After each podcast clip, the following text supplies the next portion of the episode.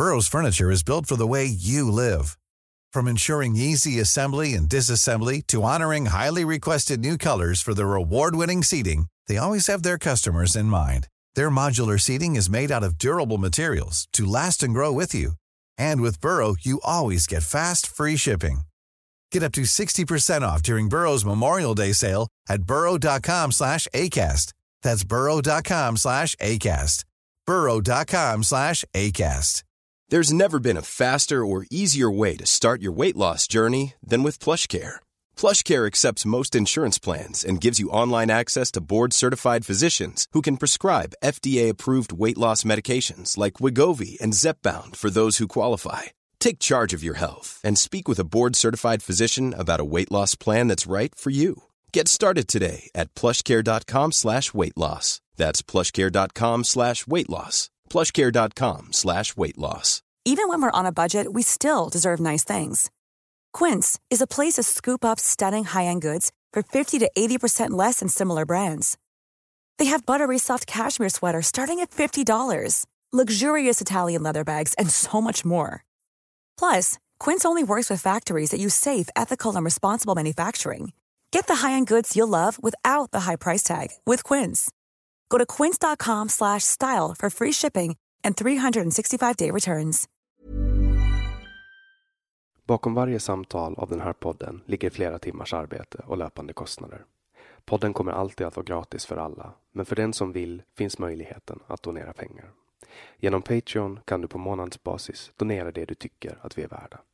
Du hittar vår sida på patreon.com samtal. För dig som kan och vill så går det även bra att swisha en donation på nummer 070-3522 472. Länkar och information hittar du på vår hemsida eller i poddens beskrivning.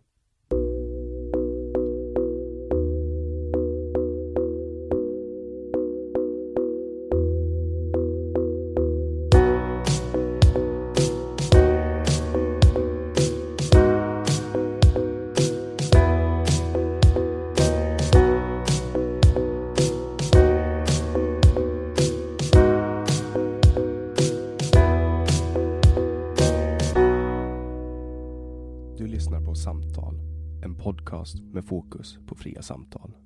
Jag heter Jannik Svensson och producent för podden är Didrik Svan. Idén är att fokusera på fria samtal. Det här är ingen debatt eller någon form av duell där det finns en vinnare och en förlorare. Det här är ett samtal där vi lägger fördomar åt sidan och där målet är att minska polariseringen. Vi tror att öppenhet är grunden för det demokratiska samtalet och vi vill uppmuntra dig som lyssnar att välja att exponera dig för samtal med någon du inte håller med om, hur triggad du än blir. Vår podd består av långa samtal. Vi vill ha långa samtal eftersom vi då får chansen att verkligen gå in på djupet. Den här podden presenteras av Webax, hemsidor och innehåll. Mer om Webax kan du läsa på www.webb.ax, webb med två b. Jag heter Jannik Svensson och du lyssnar på podcasten Samtal.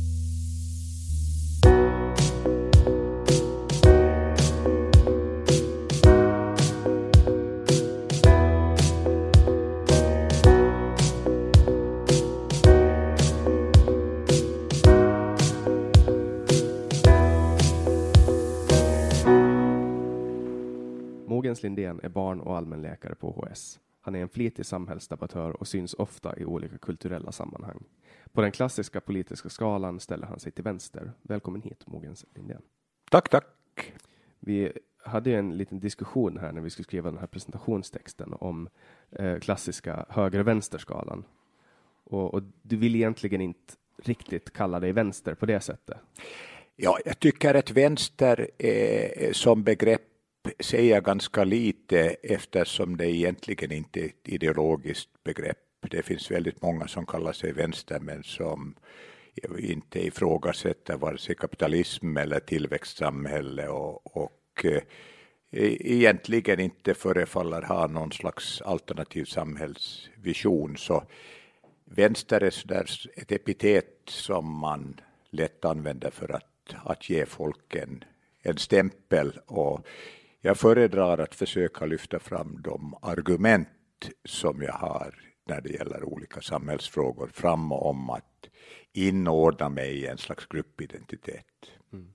För, för mig är vänster någon som tror eh, på kollektivet, tror på kollektiva krafter, storstat. Eh. Nej, det, det skulle jag inte riktigt heller säga att en, en riktigt... Eh, för mig handlar det om att eh, på vilket sätt ska vi tillgodose eh, allmänintresse och vilka krafter, hur ska det regleras? Och eh, det blir lätt att man definierar så att säga sin motpart och, och, och, och genom deras definition på sig själva så profilerar man sig. Eh, för mig är det tämligen uppenbart att eh, det inte finns en metafysisk marknad som per automatik skulle eh, bevaka och tillgodose allmänintresse. För marknaden uppstår ju spontant bland eh, människor som interagerar med varandra. Den uppstår ju först byteshandel. Ja, marknaden uppstår när folk har pengar. Eh, det finns behov, eh, men de som har behov behöver inte nödvändigtvis ha pengar och köpkraft och då är de ingen marknad. Mm. För jag menar, före pengarna fanns så var det ju byteshandel. Ja, det är sant. Det är, det är i, stor, i hög utsträckning. Men det, kräv, det krävdes ju också att man då skulle råka träffa en människa som hade det man vilja byta och som ja, också nej. skulle värdera det de hade mindre än det de ja, fick. Nej, men det, det, det, i, idag så lever vi i en värld där vi har ett antal oerhört hotande scenarion. Vi har eh, de, den ekologiska krisen där vi har klimatkrisen och vi har en artdöd som egentligen är bortom vad vi kan förstå. 60 procent av de vilda djuren har dött sedan 1970. Hälften av korallreven har dött sedan de senaste 20 åren. I Frankrike och Tyskland var det en larmrapport här för några år sedan att 75 procent av insekterna har försvunnit. Eh, FN har ett, ett organ som heter IPBS som eh, konstaterar att det här är fullkomligt alarmerande och vi ser en massdöd som egentligen inte har sett på 65 miljoner år, det vill säga när dinosaurierna har försvunnit och detta bara på några decennier. Mm. Och det är helt uppenbart att något måste göras och det här kommer inte att lösas per automatik. Och frågan är hur. Det är lite som, som när jag har en patient, så innan jag börjar diskutera terapi, eh, vad som man kan göra för att eh, förbättra prognos och möjligen bota den sjuka, så måste man ha en diagnos. Och just nu så ser vi en värld där hela den mänskliga civilisationen och naturen som vi känner den idag är ytterligt, ytterligt sjuk och hotad. Kan vi ha det som en utgångspunkt så kan man sen börja diskutera hur kan man eventuellt råda bot på denna mycket, mycket allvarliga situation. Mm. Det finns en annan aspekt jag också vill lyfta fram det är inte bara det att vi har en ekologisk kris, utan vi har också en fördelningskris. Där det anges att de åtta rikaste människorna besitter samma förmögenhet som de 3,5 miljarder fattigaste, det vill säga den fattigare halvan av mänskligheten. Det här är en tendens som starkt har tilltagit under de senaste decennierna, egentligen sedan Reagan-Thatcher-revolutionen. Eh, på 60-talet var en vd-lön ungefär 25 arbetarlöner. Idag ligger en vd-lön i USA på ungefär 250 till 350 arbetarlöner. I folkhemmet Sverige så har vi den starkaste, de starkast ökande inkomstklyftorna inom hela OECD-området. Det här är alarmerande. Mm. För, och jag håller med dig om att det är, det är alarmerande och det är deprimerande också att höra. Uh, men tar man statistik så kan man ju vrida och vända på det lite hur som helst. Typ som att vi har aldrig haft så lite fattiga människor i världen.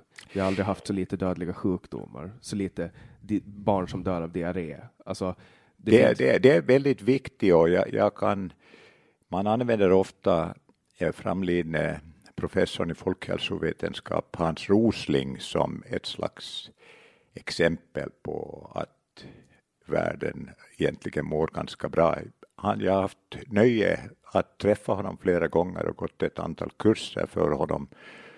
Och eh, han såg sig nog som en folkbildare som försöker vederlägga för, de fördomar som finns när det gäller uländer, när det gäller vaccinationsmotstånd och så vidare. Men eh, förvisso såg han även de allvarliga hotbilderna och vi kan säga så här, det är alldeles riktigt Analfabetismen har minskat dramatiskt. Barnadödligheten, mödradödligheten har eh, eh, också minskat enormt. Den förväntade medellivslängden har också ökat från att kanske låg, den låg kring sekelskiftet i subsahariska Afrika på 20-25 år så ligger den på närmare 50 år. Här på Åland är den förväntade livslängden för en man ungefär drygt 78, för en kvinna 81. Det här är hisnande, en hisnande utveckling. Men det finns ett pris. Det finns ett pris. Eh, skulle vi ha en oändlig värld, men med en oändlig, det som kallas resiliens, det vill säga förmåga att uthärda, att kunna neutralisera avigsidorna av samhällsekonomin, då skulle jag vara som du, kanske liberal och tro att det är bara att fortsätta som vi gör. Men vi har inte en sån värld. Och de krisscenarion som idag börjar bli allt mer uppenbara även för den mest enträgna tvivlare är alarmerande. Och då är den stora utmaningen dels att ställa sig frågan varför är det på det här sättet? Hänger det samman med vår samhällsekonomi? Och den ännu viktigare frågan, vad kan vi göra för att motverka de ödesscenarier som gång på gång upprepas? Mm. För jag har ju samma mål i sikte som dig, alltså en, en värld där vi i princip lever eh, koldioxidneutralt. För det är ju, det är ju typ den största åtgärden vi måste göra nu, det är att sluta pumpa upp koldioxid ur jordens, eh, alltså ur jorden. För det ska inte vara i atmosfären. Eh, och sam, samtidigt tror jag att, att vägen dit är att låta kapitalismen göra sitt jobb. Alltså låta flitiga människor uppfinna flitiga maskiner, som till exempel förbränningsmotorn. Det är den som har kastat in oss i, i den här högteknologiska världen vi lever i nu. Och sen kom ju datorn och sen kom flygplanet, eh, mobiltelefoner, alltså alla de här sakerna har ju möjliggjort eh, men, mänskligheten att ta oss till nästa nivå. Och det är ju det som gör till exempel att när vi pratar om fattigdom, det är, det, det är infrastrukturen och kommunikationsteknologin eh, som har möjliggjort att, att man kan eh, genomföra de här åtgärderna. För jag menar, kollar du på stora delar av Afrika så gick ju de, de, de gick aldrig igenom den här delen att de byggde upp eh, telemaster och sånt, utan de hoppade direkt till Nokia-mobiler. Så att på något sätt den utveckling som vi gör i vårt syfte att nå koldioxidneutralitet, i syfte att hitta rena krafter till energi. Jag, jag tror att om man kollar på historien till exempel, så ser vi att, att början på 1900-talet så gick det inte att andas i London för att det var så mycket smog. Eh, och, och, man hade så mycket kolkraftverk som brände så mycket energi och eh, det var en skitig industriell revolution. Men tack vare den, alltså det kommer ju med en kostnad, men tack vare den så har vi kommit in i det vi har nu, vilket är mycket renare former av energi etc. Förstår jag har, du vad jag menar? Ja, jag har, jag har två kommentarer. Egentligen den första så kommentaren handlar om att det handlar inte bara om eh, koldioxidbelastning. Vi kan tänka oss en tankelek att vi skulle ha en absolut ren energikälla eh, som är oändlig. Eh, skulle det på ett dramatiskt sätt eh, ändra de ödesscenarier som är kopplade till den oändliga tillväxtens paradigm? Eh, det tror jag inte. Vi har så otroligt mycket annat. Vi har en enorm biodiversitetsförlust. Vi har utfiskning, vi har mikroplaster, vi har enorma miljöproblem helt förutom och utanför eh, problemen med de fossila bränslena. Det är den ena kommentaren. Så vi på något sätt, ju flera vi blir, så måste vi hushålla med jordens resurser på ett ansvarsfullt sätt och fördela dem möjligast rättvist.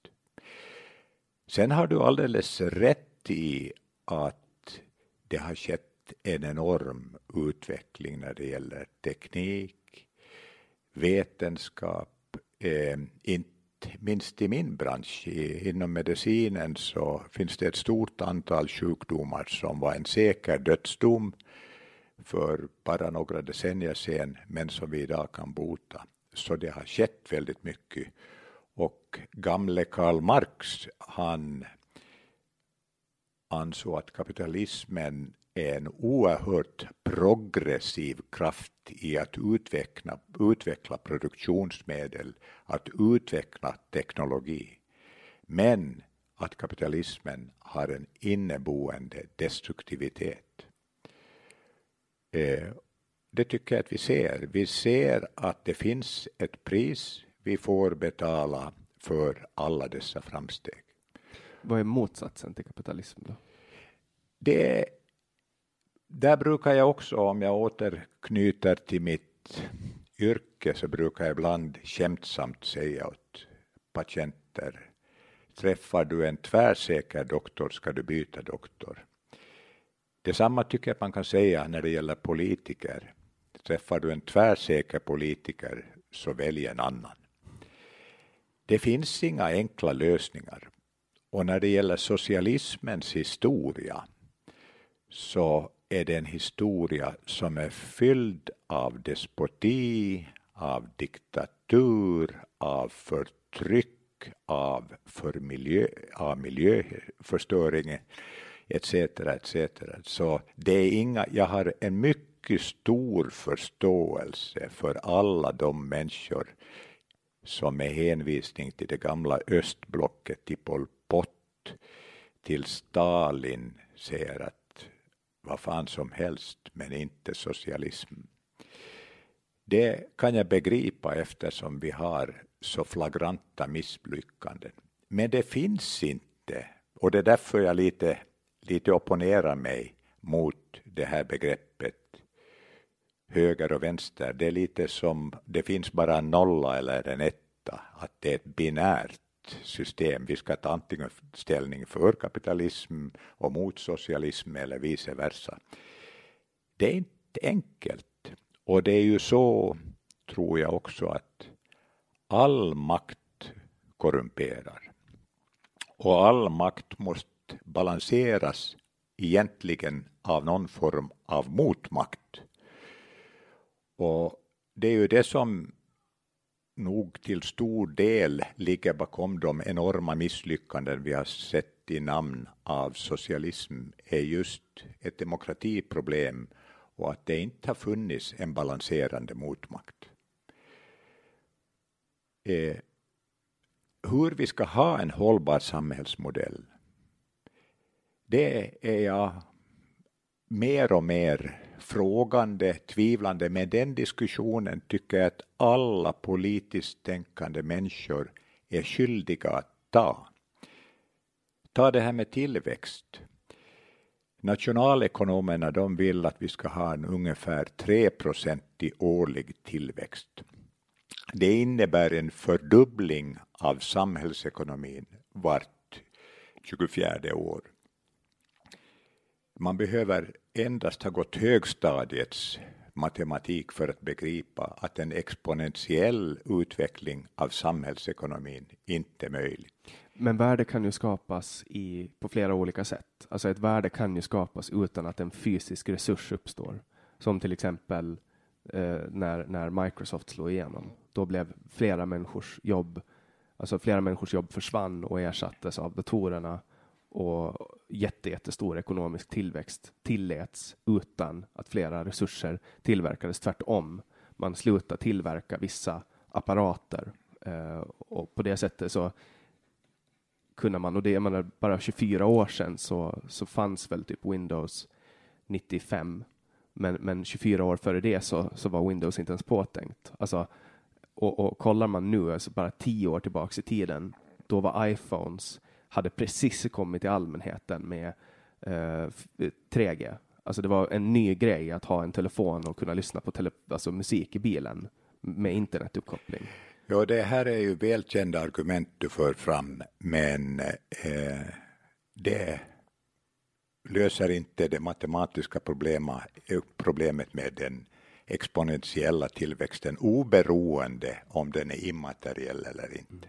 Jag menar, när som helst så kan ju människan knäcka det här med, för att det finns ju en, en ren energikälla som är oändlig, alltså mm. fusion. Ja, det finns solen. Ja, och, och vi, solen eller, fast solen är inte oändlig, ja. den kommer ju att dö ut. Ja, no, vi kommer men, inte att vara där då. Vi, vi, vi kommer med förvisso kommer även mänskligheten att dö ut. Ja. Men, men, men jag menar, alltså tillgången, alltså fusion finns där på samma sätt som elektricitet fanns i hundratusentals år. Vi bara visste inte ja, hur vi skulle använda det. Men, men det, det, det, det är just det, det ena argumentet för dem som tror på den eviga tillväxtens paradigm är att vi kan gå mer och mer över till immateriell eh, Eh, tillväxt. Det andra för är att många tror att det finns tekniska lösningar på alla problem. Vi kan hitta på en teknisk lösning som motverkar eutrofieringen i Östersjön. Vi kan hitta på en teknisk lösning som som eh, binder koldioxid etc. etc. och man har en enorm eh, optimism.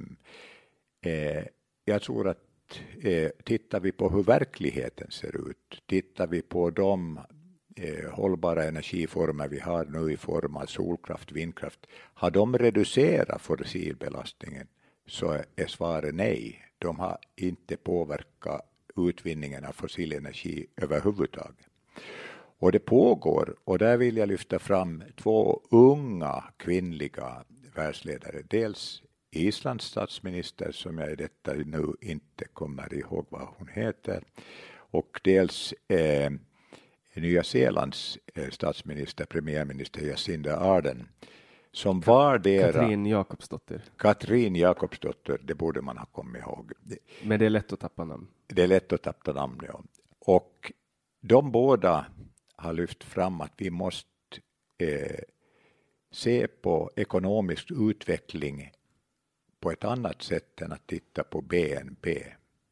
BNP beaktar överhuvudtaget inte vad som produceras, eh, hur det produceras, dess eventuella nyttighet. Du kan asfaltera hela Åland under ett antal år, hugga ner all skog och BNP skulle antagligen öka, men därefter har du ett sterilt Åland det ser inte till någon form av långsiktighet överhuvudtaget och det är också ett av kapitalismens grundläggande dilemma. Eh, tror man på kapitalismen så tror man på ett visst sätt på människans godhet. Man tror på den snälla kapitalisten som tar ekologisk, social, mänsklig och humanistisk hänsyn. Det är inte möjligt. Jo, vi vet att Bill Gates eh, har gjort stora filantropiska eh, projekt, gör Soros. Vi har här på Åland Anders Wiklund som är en mecenat och filantrop av stora mått. Det är bra, det är gott och väl. Det handlar inte om att folk är onda eller goda, utan hur man fungerar som företagsledare, som kapitalist, som VD det beror på strukturen. Eh, ska du överleva på en hård internationell marknad, dessutom enligt aktiebolagslagen, så måste du generera vinst. Och det gör att det är väldigt, väldigt svårt för en enskild företagare i denna värld att agera långsiktigt med tanke på de krav som ställs när det gäller både fördelning och hållbarhet. Och den diskussionen måste man ta på allvar. För jag, jag, tror att det finns, alltså mycket är liksom yin och yang. Det är det här mm. vita spöket med ett svart öga. Mm, jag känner till yin och yang, ja. Och, och, det är liksom, det visar ju uh, att allting är, det finns liksom en balans. Alltså, jag, jag tror att mänskligheten mycket kan, alltså så är en människa. En människa är god, har en god sida med ett ont öga och en ond sida med ett gott öga. Mm. Och jag tror att alla saker som människor rör eller alla saker där människor är inblandade kommer också att, att bli stämplade med det här mänskliga strävandet. Och tar man en ideologi, jag tror inte att en ideologi per se kan vara ondskefull. Jag tror inte att, att, kapitalismen kan vara ondskefull. Jag tror inte att socialismen kan vara ondskefull. Där måste man istället kolla på utfallet. Mm. Vad händer? Alltså vad, vad händer när man implementerar eh, kapitalismen, eller man, man lät kapitalismen utveckla den västerländska eh, demokratin och, och, och sen kan man jämföra dem under samma tidsepok mot eh, till exempel socialistiska mm. proletariatets diktatur och mm. kolla på den staten och, och, så bara kollar man hur, hur var livskvaliteten, hur var miljöförstöringen, hur var tillväxten, hur var eh, läskunnigheten, hur var sjukdomsfallen etc. Och då ser man att den västerländska kapitalistiska demokratin har på många sätt lyckats mycket, mycket bättre än socialismen. Så när, när det ja, kommer men, till... men, men där, där, där äh, återknyter till, äh, till äh, det som jag sa innan. Kapitalismen är tveklöst ett väldigt, väldigt innovativt system. Det utvecklar produktiv, produktivkrafter, det är väldigt effektivt eh, på många, många sätt, eh, precis som Marx konstaterade. Marx hade ju en deterministisk syn. Han tittade på feodalsamhället, avlöstes av kapitalismen och kapitalismen utvecklar produktivkrafterna så att de möjliggör socialism som sen ska möjliggöra kommunismen. Allt det här är ju eh, på ett väldigt filosofiskt plan och jag brukar, för att återigen knyta an till mitt yrke, så brukar jag säga att marxismen är en väldigt god metod för diagnostik, eh, det vill säga follow the money eh, men en mycket tveksam metod när det gäller terapi. Mm. För jag skulle, jag skulle ju aldrig lita på en eh, trädgårdsmästare att, att utföra en operation på mig.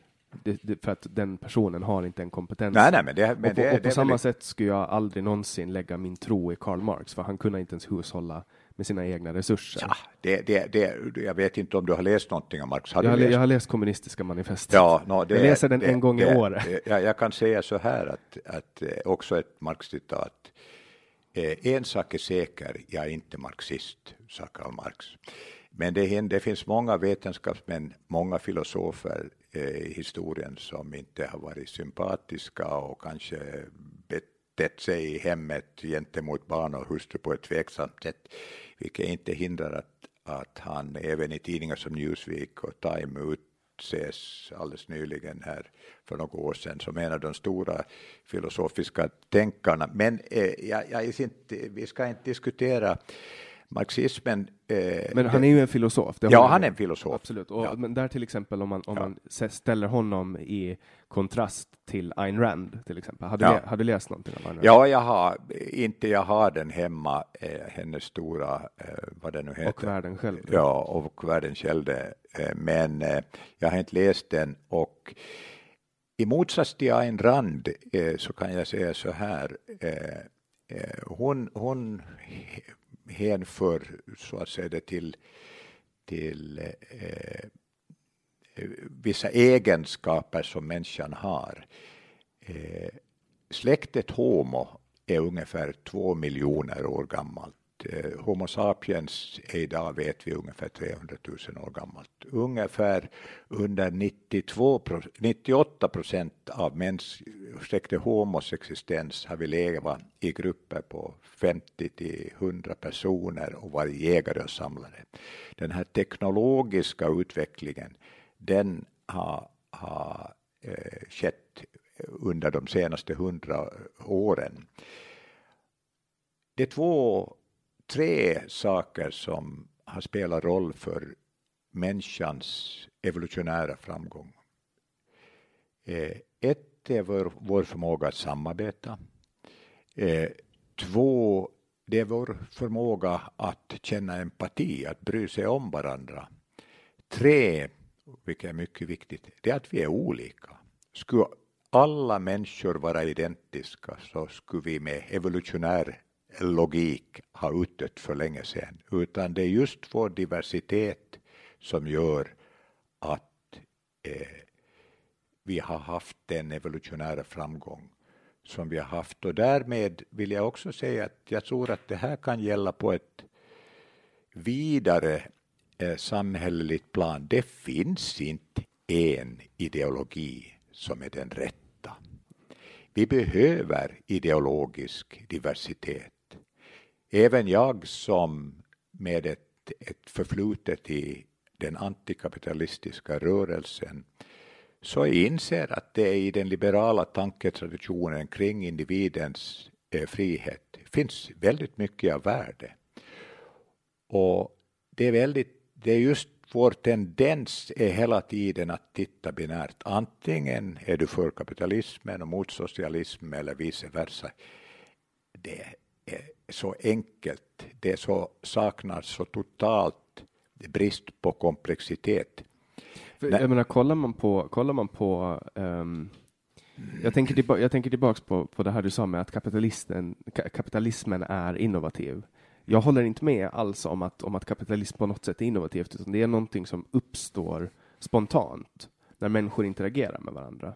Alltså man tar, om vi skulle eh, liksom vi ska ha en liten forskningsvärld. Eh, vi ska ha en, en minimänsklighet i ett litet akvarium framför oss och så ska vi kasta ner människor, ett gäng människor, hundra människor och alla ska vara bra på olika saker. Någon var bra på att jaga, någon var bra på att fiska, någon var bra på att hugga ved.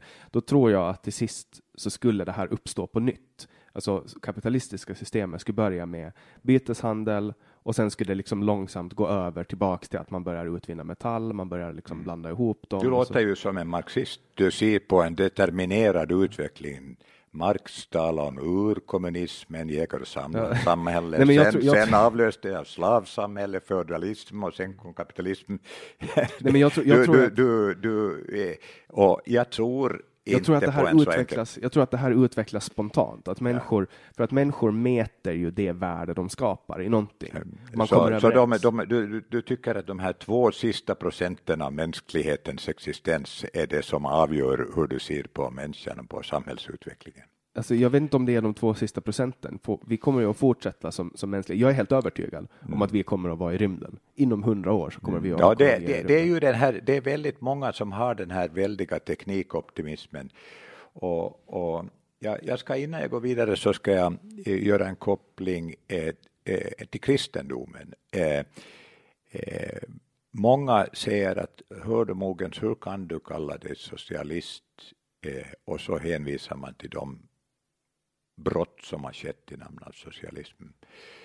Med den logiken kan man väl också ifrågasätta någon som kallar sig kristen. Hur kan du kalla dig kristen efter inkvisition, efter bibeln och svärdet som utrotade eh, indianer en masse i Latinamerika, häxbränning, inkvisition, eh, eh, utstötande av eh, ensamstående kvinnor eh, med barn etc. etc.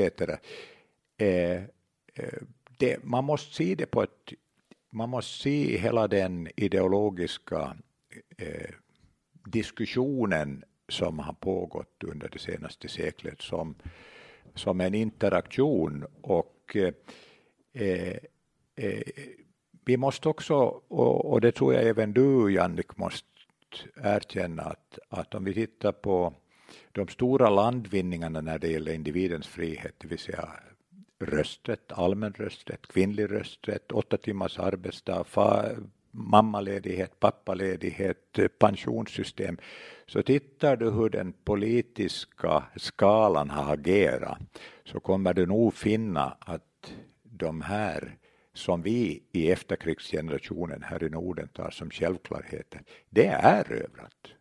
Det är inte givet.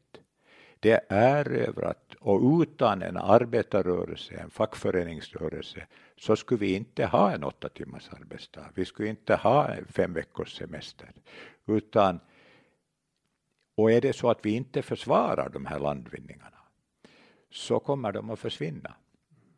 Vi skulle, vi skulle inte kunna ha nått det här välståndet om inte vi hade varit flitiga. Alltså, vi, vi har ju ett extremt välstånd i, i de skandinaviska länderna. Ja, och det är det... på grund av att vi har varit extremt flitiga. Nej, det beror inte på att, jag tvivlar inte en sekund på att barnarbetarna i Bangladesh eh, eh, eller de underbetalda kvinnorna som syr våra kläder, dina och mina som vi sitter här i, eller de här den här tekniken vi har nu som är gjord av eh, slavar i, i kinesiska fabriker där eh, Apple, ja de kräver att du inte får självmord när du, när du och allt transporterat hit i jättelika containerfartyg med underbetalda filippinare. Eh, flit handlar att, att vi har det så bra som vi har det här i Norden beror inte på att vi är flitigare än eh, människor i Afrika eller Asien de jobbar nog. De har, ju, de har ju, dels så gick de igenom sin, de har inte gått igenom sin industriella revolution helt och hållet, de är mitt mm. inne i den. Men sen har, har vi också, vi blev aldrig koloniserade. Nej, vi, det är väldigt stor och det finns och vi har inte varit i krig nykolonialism. Men vi har aldrig varit i krig på samma sätt som, som många av de länderna. Alltså, Sverige har väl varit befriat från krig i 200 mm. år och Finland hade det knappt ja, men, det. Men, men jag måste ju ändå ställa dig frågan, eh, det som vi kallar det nordiska välfärdssamhället, så är det någonting som har fötts per automatik eller finns det ett element av erövring? Har den politiska vänstern haft en betydelse att vi har de här eh, välfärdssystemen som vi har idag?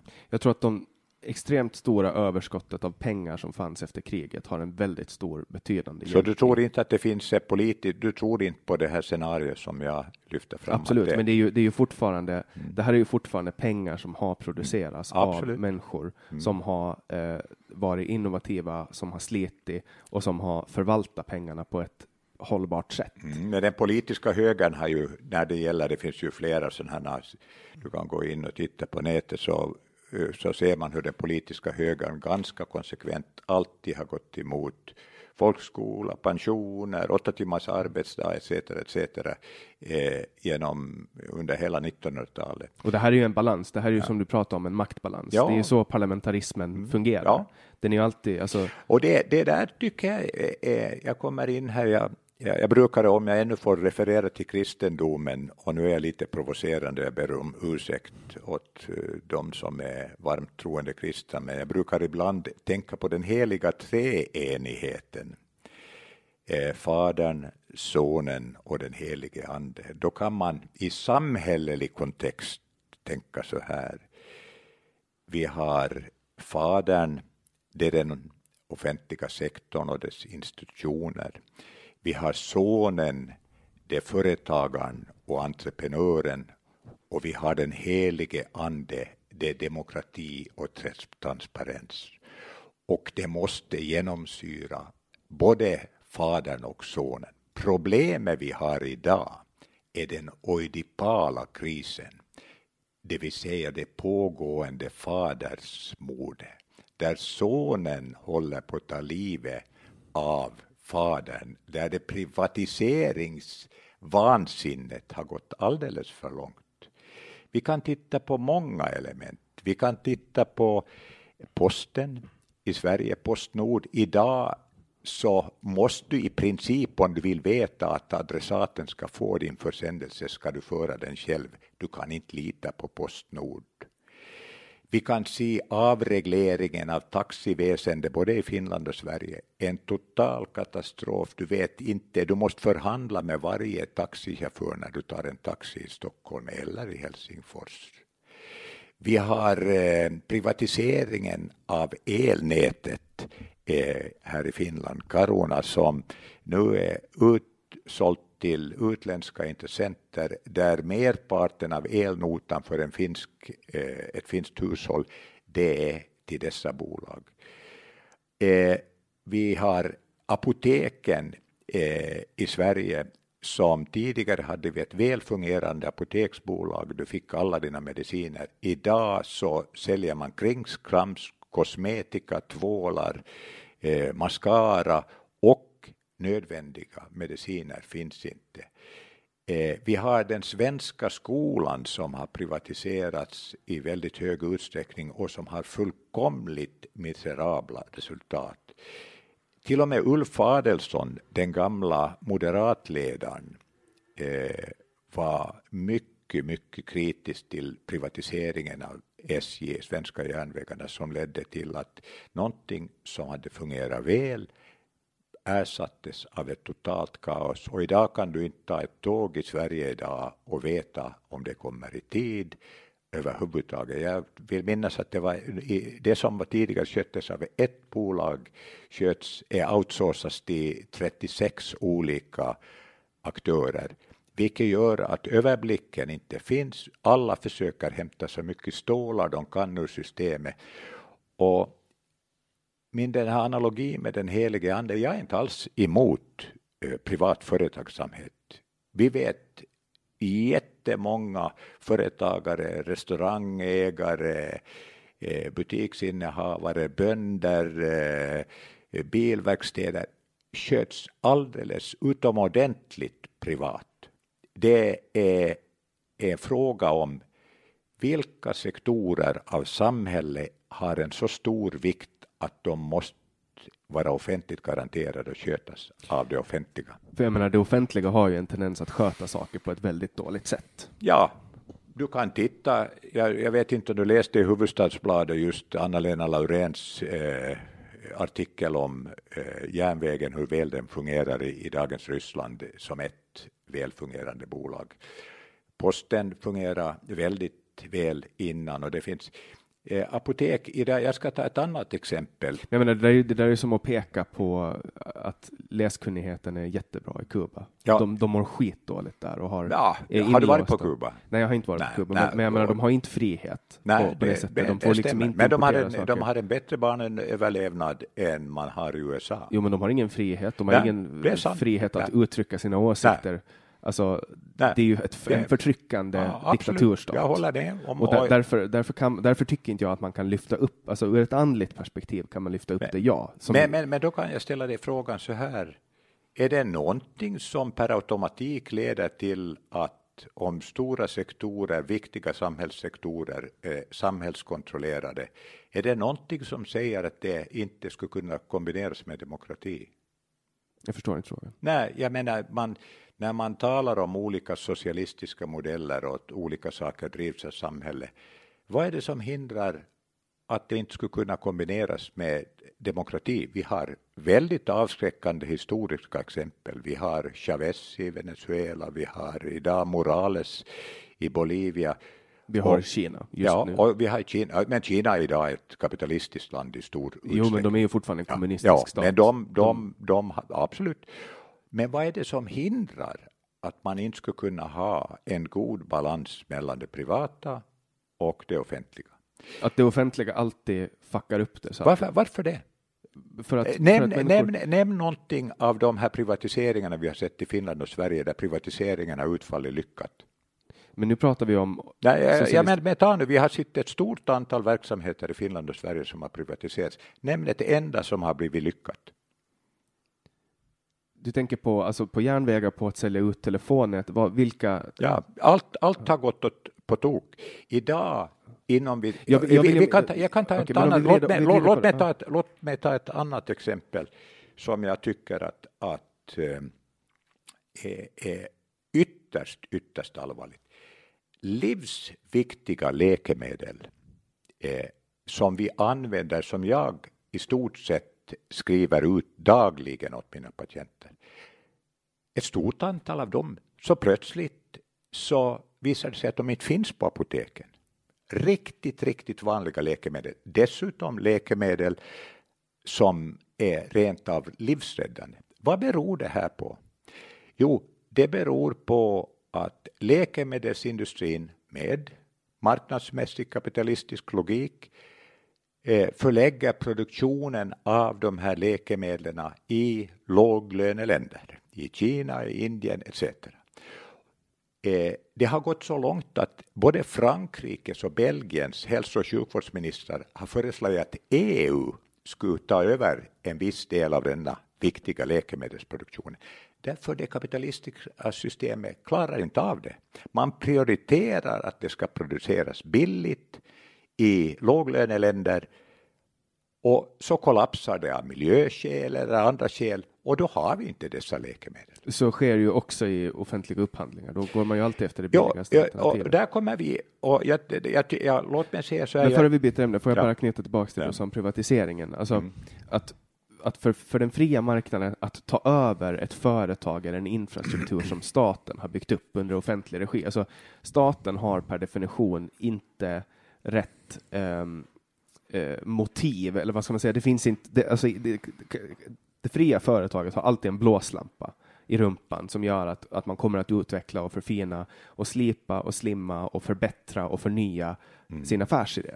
Medan staten har inte, utan där har du, kollar du på hur kostnadsutvecklingen i ett offentligt mm. bolag ofta är, så ske, kostnaderna skenar och det mm. går aldrig att minska för att du har en omvänd kapitalism. Det handlar om att använda alla pengar och lite till för att få mera budget nästa år. Mm. Och har du, ska, ska, du som privat företag ta över någonting som har byggts av den offentliga sektorn mm. så kommer det att inträda en tid av kaos. Mm. Om privata sektorn från början bygger upp det, som till exempel i USA, där det var privata entreprenörer som byggde upp järnvägen Eh, så, så kommer du att ha en helt annan dynamik i hur det funkar. För att nu, då, marknaden, kom, marknaden reglerar ju sig själv. Det är ju det som är grejen med eh, marknaden, att den är självreglerande. Och det sker genom kaos. Ja, eh, ja vi, vi kan då konstatera att i USA så kostar sjukvården 16-17 eh, procent av BNP. I Finland och Sverige är det ungefär 9 procent av BNP. Ja, men nu, nu, ja, jag väntar lite. Och det börjar från början med att det är privat. 50 miljoner amerikaner har ingen sjukförsäkring eh, och eh, en stor del av företagskonkurserna består, består i att, att små och mellanstora företagare blir sjuka och därmed så går eh, eh luften ur hela deras företag. Och det byggde man från början. Mm. Eh, vi har, en, vi har en, en, en sjukvård här på Åland, vi kan vara stolta över den. Eh, vi har i Norden, i Sverige ser vi idag eh, en fullkomligt kaos som beror till stor del på den moderata eh, eh, ledningens upphandling och eh, Eh, vad ska vi säga, fullkomligt vansinniga samverkan med eh, den privata sektorn, dels i bygget av Nya Karolinska sjukhuset och dels i ett paradigm som heter värdebaserad vård som är ett av dessa eviga konsultföretag. Men jag ska, innan du kommer in så vill jag säga så, jo, du har rätt. Det finns mycket i offentlig sektor som inte är bra. Frågan är, hur kan det bli bättre? Det är inte att privatisera, utan det att de som jobbar i kärnverksamheten också ska ha ett inflytande. Det stora problemet i mycket offentlig sektor, delvis även i OHS eller på Trobergshemmet, är att det finns ett förvaltarskikt som ofta har en väldigt, väldigt liten koppling till kärnverksamhet. Vi ser det här i universitetsvärlden. Man har modeller från det privata näringslivet, men professorerna, lärarna, läkarna, sjuksköterskorna har allt mindre inflytande. Och ska en verksamhet drivas effektivt så bygger det på personalinflytande, personaldemokrati och att involvera och se personalen som en resurs. Tyvärr gör man inte det.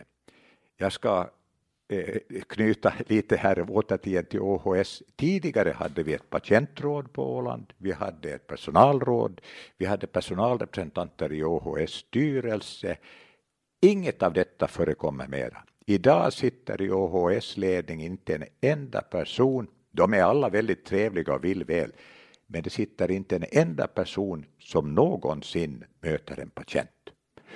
Och det är det som är det grundläggande problemet hur kan vi skapa en effektiv offentlig sektor där personalen skulle ses som en resurs? Men ÅHS styrelse är ju där för att eh, fatta beslut om budgetmedel.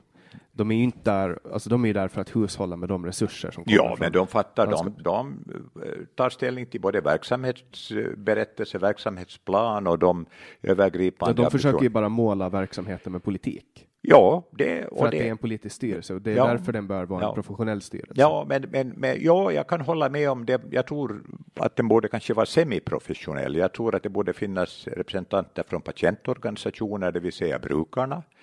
Eh, det borde självfallet finnas representanter från personalen. Sen måste det finnas politiska representanter eh, eftersom det finansieras med skattemedel. Men problemet är att politiker ofta upplever det väldigt obekvämt att ha sakkunniga med i samma styrelserund därför de saknar kunskap i frågan. Sitter du som politiker i OHS styrelse så vill du inte ha en kliniskt verksam sjuksköterska eller läkare i samma rum därför att de vet vad de pratar om och det vet inte politikerna. Så det är bekvämare för detta politiska spel att exkludera Ja, men sen, personal. också, sen har jag också sett nu, jag har ju varit med i fyra valrörelser eh, och sett hur man använder OHS som ett verktyg för att få makt. Och det är ju det som är ett stort problem med det system som vi har idag. Man utnyttjar den offentliga sektorn genom att lova saker till folk. Gratis tandvård åt alla till exempel. Då, då utnyttjar man, alltså, och sen, sen liksom lägger man det på en, på en styrelse. Och problemet med när det är på det här sättet, när man har en offentlig sektor, är att offentliga sektorns jobb är att växa. Medan, Va- varför det? Den är, Det- det- den är att tillgodose de befintliga behoven. Det är att det- Ingenting, den, eh, ett privat företag måste växa för att överleva på en marknad. Jo, men det finns extremt mycket saker som, så, ta, ta till exempel, vi tar ett exempel. Paff är ett, ett bra exempel. Ja. Det, kommer in, det kommer in en, eh, för Pa- Pa- Paff är ett företag, ursäkta mig nu om jag, om jag sårar någon genom att säga det, men Paff är ett företag som har genomsyrats av nepotism. Extremt mycket. Ja, det alltså. känner jag till, men det är mycket möjligt. det är min uppfattning. Det bygger i alla fall på uh, en affärsidé som handlar om att exploatera människors uh, fåfänga hopp. Ja, och väldigt många människor har fått gå från Paf nu för att Ja. man har gjort en omorganisering. Ja. För att, för att eh, nya vdn kom in och ansåg att här finns det folk som vi kan liksom skära bort från verksamheten Mm. utan att kärnverksamheten rubbas. På samma sätt eh, bör man göra med alla, offentlig, alla bolag inom offentlig ägande. Nu, nu förstår jag inte vad du menar. Vad, vad Man bör, man, man bör skära bort onödigt jobb. För att det finns jobb som är onödigt, som folk utför, som kan utföras av en dator. Och de människorna ska göra, skapa ett bättre värde. Alltså, en människa som jobbar på ett, på ett jobb och får, säg 2000 euro i månaden, och så presterar de ett värde som kanske är minus. Då, då, ska, då ska inte den människan av naturliga skäl vara där. Då ska den vara någonstans där den kan Ja, producera eh, ett värde. där, där måste jag nog tala till mina arbetskamrater inom Ålands hälso och sjukvård OHS eh, att eh, det är nog ytterst få som jag uppfattar som eh, onödiga. Det är eh, en ständig brist av läkare på häl- hälsocentralen där jag jobbar. Vi har brist på eh, narkosläkare, röntgenläkare. Eh, det finns ett antal eh, som vi borde ha. Vi har till och med tjänsterna, men vi har inte lyckats besätta dem. Man utnyttjar ju människors vilja att jobba med sin passion inom offentlig sektor. Det är ju det, det, är det OHS gör. Alltså, du skulle ju få kanske 70 procent högre lön om du jobbar inom privata sektorn. Men det, det, det, det, eh, och, och där tror jag faktiskt att det är ju inte så att det främsta incitamentet är för människor i något sån intellektuella yrken är lönen. Det finns ett, ett väldigt intressant eh, sån whiteboard-föreläsning på Youtube som folk kan gå in och titta på. Den är 15 minuter. RSA Animate, Harold Pink som talar The surprising truth what really motivates us. Och då visar det för sig faktiskt att eh, när du har kommit upp till en viss lön där du har dina basala behov för dig själv och dina nära och kära tryggat, så minskar produktiviteten med ökad lön. Utan det som gör människor i något sån här intellektuellt krävande yrken produktiva, det är arbetsgemenskap och autonomi. Och finns det autonomi, arbetsgemenskap och du har möjlighet att påverka din arbetssituation så blir du produktiv vi kan bara se alla dessa föräldrar som åker på fotbollsträningar med sina barn, eh, på matcher land och rike runt både till Finland och Sverige. Vilken enorm kraft och de får inte en cent. Det är ju kapitalismen i arbete. Nej, ja, nej det, är inte, det är inte kapitalismen, därför de får ingenting, de får inte be, be, betalt. Och det är det som jag menar med kapitalismen. Nej. Kapitalismen är det naturliga stadiet som människan befinner sig i. när man ger nej, kapitalism, jag... det bygger på stålar. Men det finns ett emotionellt kapital också. Ja. Som till exempel om jag ger någonting eh, till min, till min eh, sambo, till min fästmö. Mm. Om, om jag ger henne eh, vad ska jag säga, någonting, jag ger, gör henne en tjänst, jag kan mm. diska till exempel. Mm. Då, då handlar inte det om, och då, då skulle jag kunna, jag skulle kunna mäta det. Då ger hon dig en gentjänst, du menar att det är som affärstransaktioner i ett äh, äktenskap? Så, kan man, så ja. kan man se det. Ja. Att man, ja, men, du, jag kan din Ayn Rand märker ja, men om, om jag gör det, om jag gör någonting för henne, då gör ju jag det för att jag vill ge henne det mera än vad jag vill ha den tiden ja. själv. Förstår du vad jag menar? Ja, jag, jag tror det. Är ett emotionellt det, det, det är trevligare att ge än att få. Mm. Men att känna sig värdefull, mm, det... som jag kan tänka mig att du gör när du kommer på jobb och mm. många gånger ja. räddar liv ja. eller förbättrar människors liv. Ja. Det är någonting som, som tillhör det emotionella kapitalet. Ja. Och en människa kan vara fullkomligt nöjd med att leva ett helt yrkesverksamt liv. Till exempel brandmännen här mm. på, på Åland. De, de får skitdålig lön, mm. men de kan känna att de gör någonting bra. De Absolut. de räddar någon. Och det, det tycker, där tycker jag att offentliga sektorn utnyttjar det emotionella kapitalet ja. och det är en form av kapitalism. Nej, nej, nej, nej det är inte utnyttjande utan det, det, man förvaltar det dåligt. Jag kan ta ett exempel. Du kommer ihåg att Trobergshemmet som är ett åldringsboende här i Mariehamn så plötsligt får personalen i tidningarna läsa om att man avser att gå över till treskift. Eh, istället för att man, vissa har nattskift och, och så vidare. De är inte involverade i den här enormt genomgripande förändringen. Och det är så typiskt hur det ofta fungerar i offentlig sektor. I Sverige idag så, så är det eh, 400 eh, läkare som kommer att bli sparkade. Och hur man det, det beror på detta avstånd mellan ett förvaltarskikt som ofta styrs av konsulter.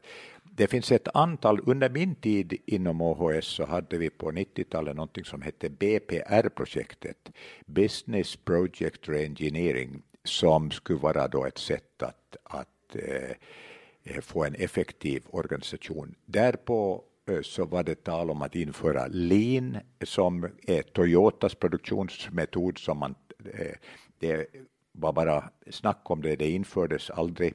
Sen med buller och bång sjösatte man någonting som hette balanserat stor, styrkort. Personalen gick i utbildningar, det var hundratusentals euro som satt i detta. Man tryckte fyrfärgsbroschyrer om balanserat styrkort. Ingen begrep vad det handlade om och det är nu saligen begravt. Och det finns detta, allt detta ett uttryck för avståndet mellan ledning och då talar jag om politiker men också om det förvaltarskikt som finns. Men där personalen inte är involverad. Men här behövs ju, ur mitt perspektiv, om du kollar på OS nu, hur tycker du att, att, att det styrs nu? Styrs det ja, alltså jag, jag, jag, om du jämför med de senaste tiden? Jag, jag, kan säga så här att, att eh, de personer som sitter i ledningen eh, är väldigt sympatiska. Jag tycker att det, det är kloka, välmenande människor. Utan som överallt i samhället så måste vi titta på strukturerna. Och jag tror att det finns en vilja att revidera de strukturer som, som finns. Så det är ingen lätt ekvation. Jag har ingen, och det gäller också samhället i stort, jag har ingen patentlösning och det är just för att återknyta till vad jag sa här. Träffar du en tvärsäker politiker, byt politiker. Och vi borde mycket, mycket mer i den politiska diskussionen och debatten använda öppna frågor. Man definierar ett problem och så försöker man fundera, hur ska vi lösa det här? Eh, För problemet är ju att människor tänker ju alltid på sig själva, vart du än kommer. Nej. Eh, det tänker inte människor alltid på sig Jesus, själv. Jesus tänkte inte på sig själv, men i övrigt nej, så tänkte nej, nej, det, det, det, det, det, det, det bygger på tanken på den. Men okej, okay, vi kan säga, är det så, då är kapitalismen ett väldigt dåligt system. Om eh, dessa makthavare som har en enorm förmögenhet bara tänka på sig själv, hur i all världen ska de då tänka på allmänintresse? Då måste finnas en mekanism som tillgodoser allmänintresse. hur ska den se ut? Det jag menar på, på eh, organisatorisk nivå, till exempel OHS, mm. om du ska genomföra en reform och så frågar du personalen, då kommer ju de att tänka på vad är bäst för mig? Så, no, så, för så gör människor. Människor no, tänker det, i första hand på sin egen överlevnad. Ja, men, men, men, det är lite för att eh, referera till den här, eh, vad som egentligen motiverar människor. Det är inte den höga lönen. Det är nackdelen med att man har eh, ofta kopplat det till facket, därför facket är uppbyggt kring eh, den enskilda gruppens ekonomiska intressen. Och jag tror att personalrepresentationen, fack behövs eh, fackföreningsrörelse behövs tveklöst. Men när det gäller personalrepresentation så tror jag att det kunde se ut på ett annat sätt, att man väljer de viktiga grupperna i stabspersonal och eh, sjukskötare och vårdpersonal och läkare, så väljer representanter som inte har till uppgift att eh, tillgodose sina egna intressen utan att se hur bygger vi den bästa möjliga organisationen. Eh, och så så det, det är väldigt och, och jag tror att, att det finns, får människor ett, vara och ha ett medinflytande så blir det mycket, mycket effektivare och bättre. Och kostnaderna ökar? Eh, nej, det, det, är ingenting som är givet och vi ser också i tider... Men hur ofta kommer personalen med sparförslag till exempel? Ja, no, men det beror lite på det politiska spelet och det, det kan man... Jag skulle vilja lite, göra ett litet hopp i vår diskussion och jag skulle vilja koppla till någonting som jag kallar tribalism.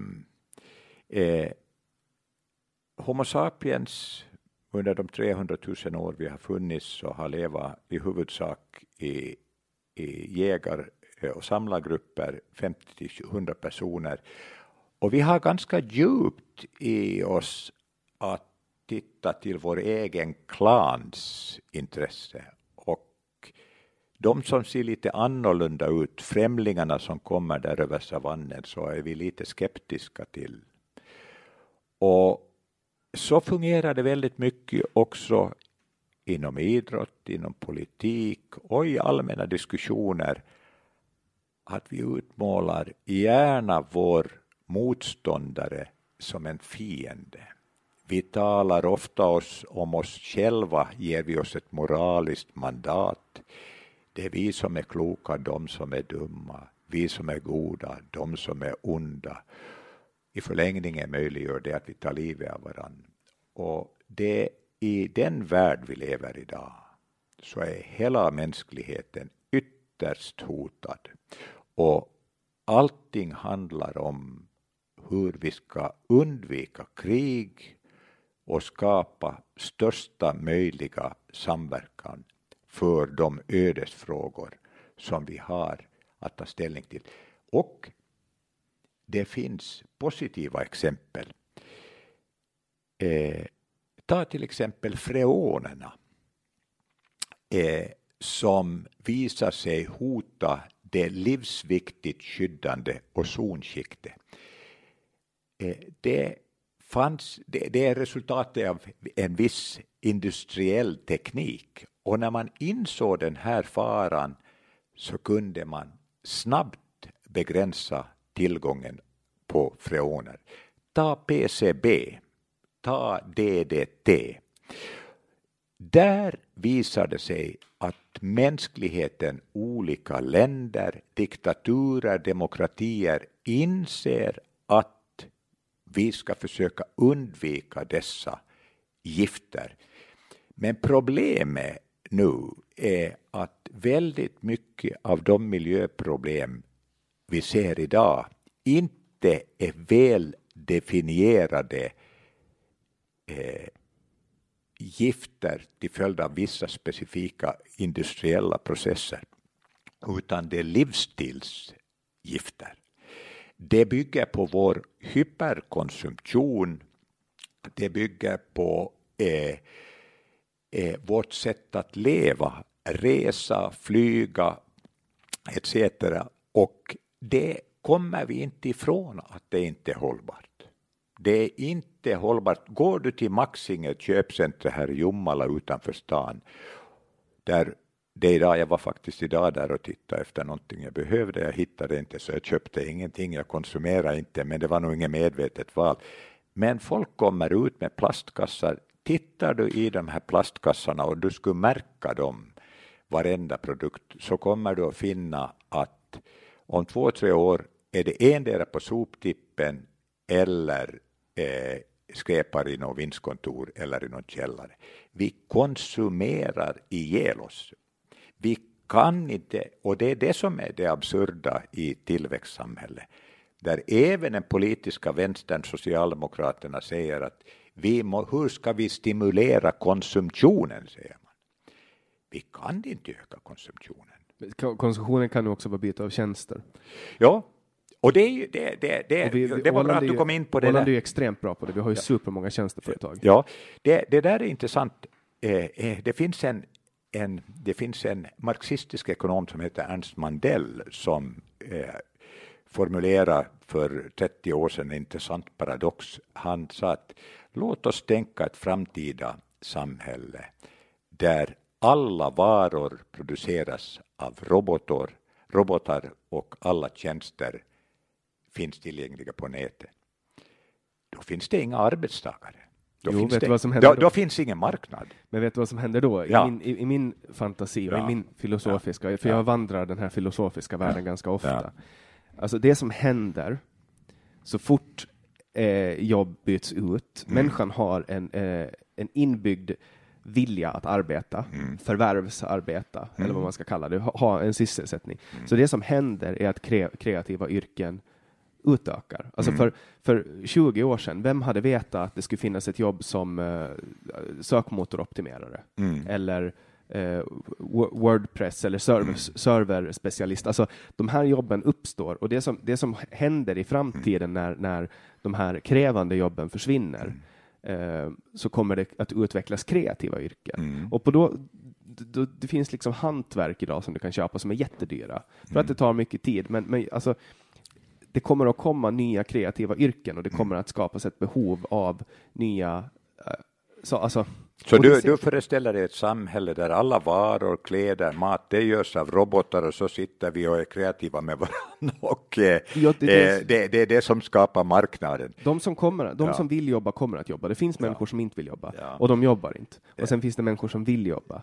Sen finns det de som, som tycker om, alltså Eh, folk som är liksom kulturella utövare som går runt och, och spelar gitarr eller skriver eller bara går runt och umgås med folk. För det är ju det som vår gemensamma, mm. ditt och mitt gemensamma mm. mål är ju en värld utan krig, mm. där alla människor har det de behöver ja. och där man kan ha hur mycket tid att ja. upp, uppfylla sig, sina egna eh, drömmar. Ja, som, som det har sagts åt eh, var och en efter eh, dens behov, av var och en efter dens förmåga. Det är ett känt Marx-citat, även det.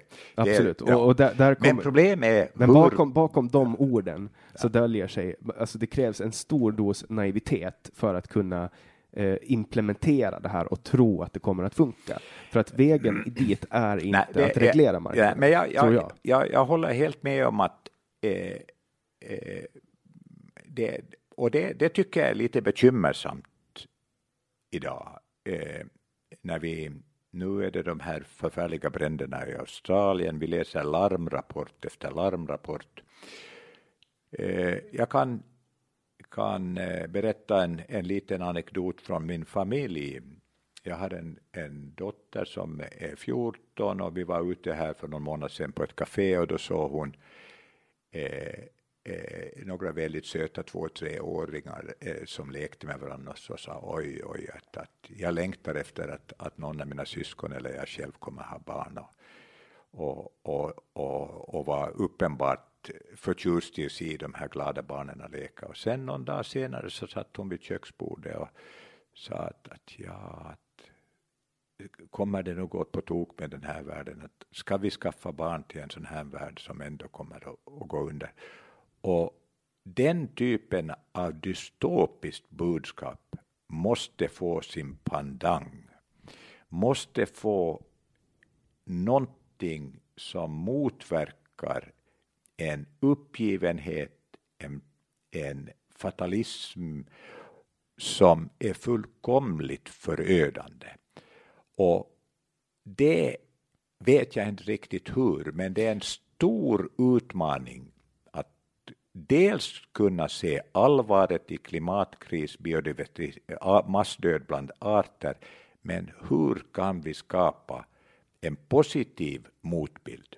Men människan har ju alltid, alltså i kollektivistiska mm. kretsar, så som kyrkan, har man alltid trott på jordens undergång. Man har alltid pratat, mm. och då har man fört fram de yttersta bevisen, vilket är Bibeln eller Koranen mm. eller de heliga skrifterna. Och, och, det här har varit bevis och det har tagits som bevis, det har behandlats som bevis och det här har liksom varit utgångspunkten.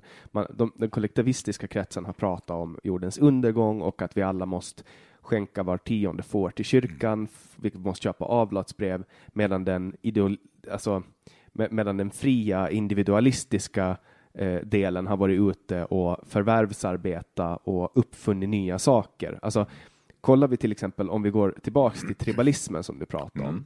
Eh, alltså, tribalism är någonting som uppstår när människor finns. Det är någonting som uppstår spontant. Det, det, uppstår bland djur, det uppstår bland människor. Det finns ingenting, det är ingenting som vi kan liksom mothäva, därför att så fort vi liksom utvidgar, du, du, och jag kan känna tribalism på många olika saker. Vi är båda ålänningar, vi är båda finnar, vi är båda europeer, vi är båda människor, vi är båda män. Alltså, vi kan bredda det och förminska det i hur mycket olika perspektiv som möjligt. Vi kan också hitta skillnader mellan oss. Men, men alltså, och det där är liksom, det där är hur man ser det. Jag tror på en, jag tror på någonting överstatligt. Jag tror att vi måste kolla på det här överstatligt, att se mm. varför är vi här? Varför är mänskligheten här? Mm. Och vad är vårt mål? Vårt mm. mål är att överleva. Hur kan vi överleva? Vi mm. måste eh, gå samarbeta. Vi måste samarbeta ja. och, och, så måste vi hitta ett sätt att lösa det här. Vi kan redan. Men, vi har i 50-60 år kunnat men, skicka men, upp men folk det, det, det är ju ett problem i en värld. Du visste du att av eh, de hundra största ekonomierna i världen är mer än hälften storföretag.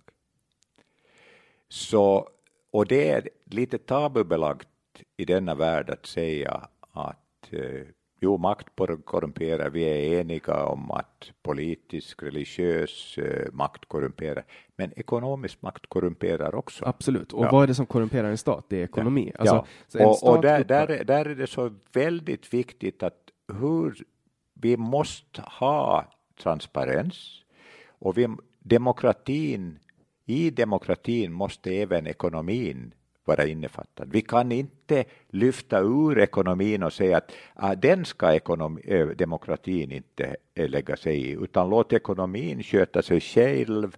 Milton Friedman, Ayn Rand, Margaret Thatcher och Reagan har rätt. Den metafysiska handen i marknadsekonomin ordnar upp till det allas Eh, så att allting är bra i slutet. Det är naturligtvis nonsens. Ekonomi är en mänsklig aktivitet som allting annat och det måste den regleras av motmakt. Det regleras inte per automatik. Men kollar vi till exempel på ryska staten uppbär skatt och får därför in pengar. Mm. Pengarna korrumperar människorna som styr staten. Absolut. Facebook skapar ett värde för människor. Så ja, människor men, men Zuckerberg kan uh, påverka utfallet av, av uh, valet av president i, USA. Ja, det kan han göra för ja. att han har mycket pengar. Ja, och, och för, för, att, han, han kontrollerar Facebook. Exakt, och, ja. men han har ju han har ju fått, han har ju skapat en produkt som hjälper väldigt många människor på väldigt många olika ja, sätt. Men, men, men ska vi ha det på det sättet att den som kontrollerar de sociala plattformarna kontrollerar demokratin? Men den som har, den som har med, med sitt flit Bara för att den har varit sin... duktig, ja. Så du tycker då att, att Zuckerberg som har varit duktig, innovativ och skapat Facebook, eh, han ska premieras med att kunna styra över världen på ett helt annat sätt än valda demokratiskt Men vi valda. kan ju inte ta det ifrån honom. Därför ja, att han gör ja, ju det här bättre och bättre ja, hela tiden. Alltså, alltså, så mycket arbetstillfällen, så mycket, alltså, så mycket nya affärer. Nej, men det måste underställas samhällelig kontroll. Mm, men, ta, men vi kan, du, kan inte, du kan inte ta en del av den mänskliga sfären och säga att här får demokratin inte göra någonting. Här får inte demokratin ha ett inflytande. Det ska vi inte röra. Och det är det som är det absurda, eh, tycker jag, att, att så fort vi, jag menar vi vet också att en stor del av våra stora företag notoriskt fuskar med skatter, visserligen inom lagens råmärken, men vi har Swedbank, vi har Nordea, vi har Starbucks, vi har oändligt antal av alla dessa företag som eh, medvetet, som det så vackert heter, skatteplanerar och flyttar det eh, pengarna till skatteparadis där det inte finns någon transparens. Vi hade Panama Papers. Men det har, ju, det har ju att göra, skatteflykt har ju att göra med att de anser att man tar för mycket skatt. Nej, Ska man ta bort nej, bolagsskatten? Det, det, det, det, har att göra med eh, eh, girighet och att man vet att man eh, kan kontrollera. Man får makt genom pengar. Det är genom att kan alla diktatorer i världen, från Putin till vem som helst, de för pengar till skatteparadis för att garantera sin fortsatta Människor, makt. Alltså det här, alltså skatteplanering på stor nivå och mm. skatteplanering på låg nivå, det är exakt samma sak. Det handlar om att man upplever att man inte får ut mm. tillräckligt mycket av den skatt man betalar i, i, tillbaks. Ja, så sa och, ju Svenska arbetsgivarföreningens VD Leif. Vad fan får jag för mina skatter, sa han när han var uppbragt. Jag menar, det vet både du och jag att inte blir vi lyckligare om vi har två miljoner eller om vi har fem miljoner. Nej, men desto mer man ökar skatten, desto mindre benägna tvingar folk att arbeta. Alltså ta, sänker du skatten? Nu ligger, alltså, Sverige och Finland har ett för högt skattetryck. Nej. Vi har för mycket skatter.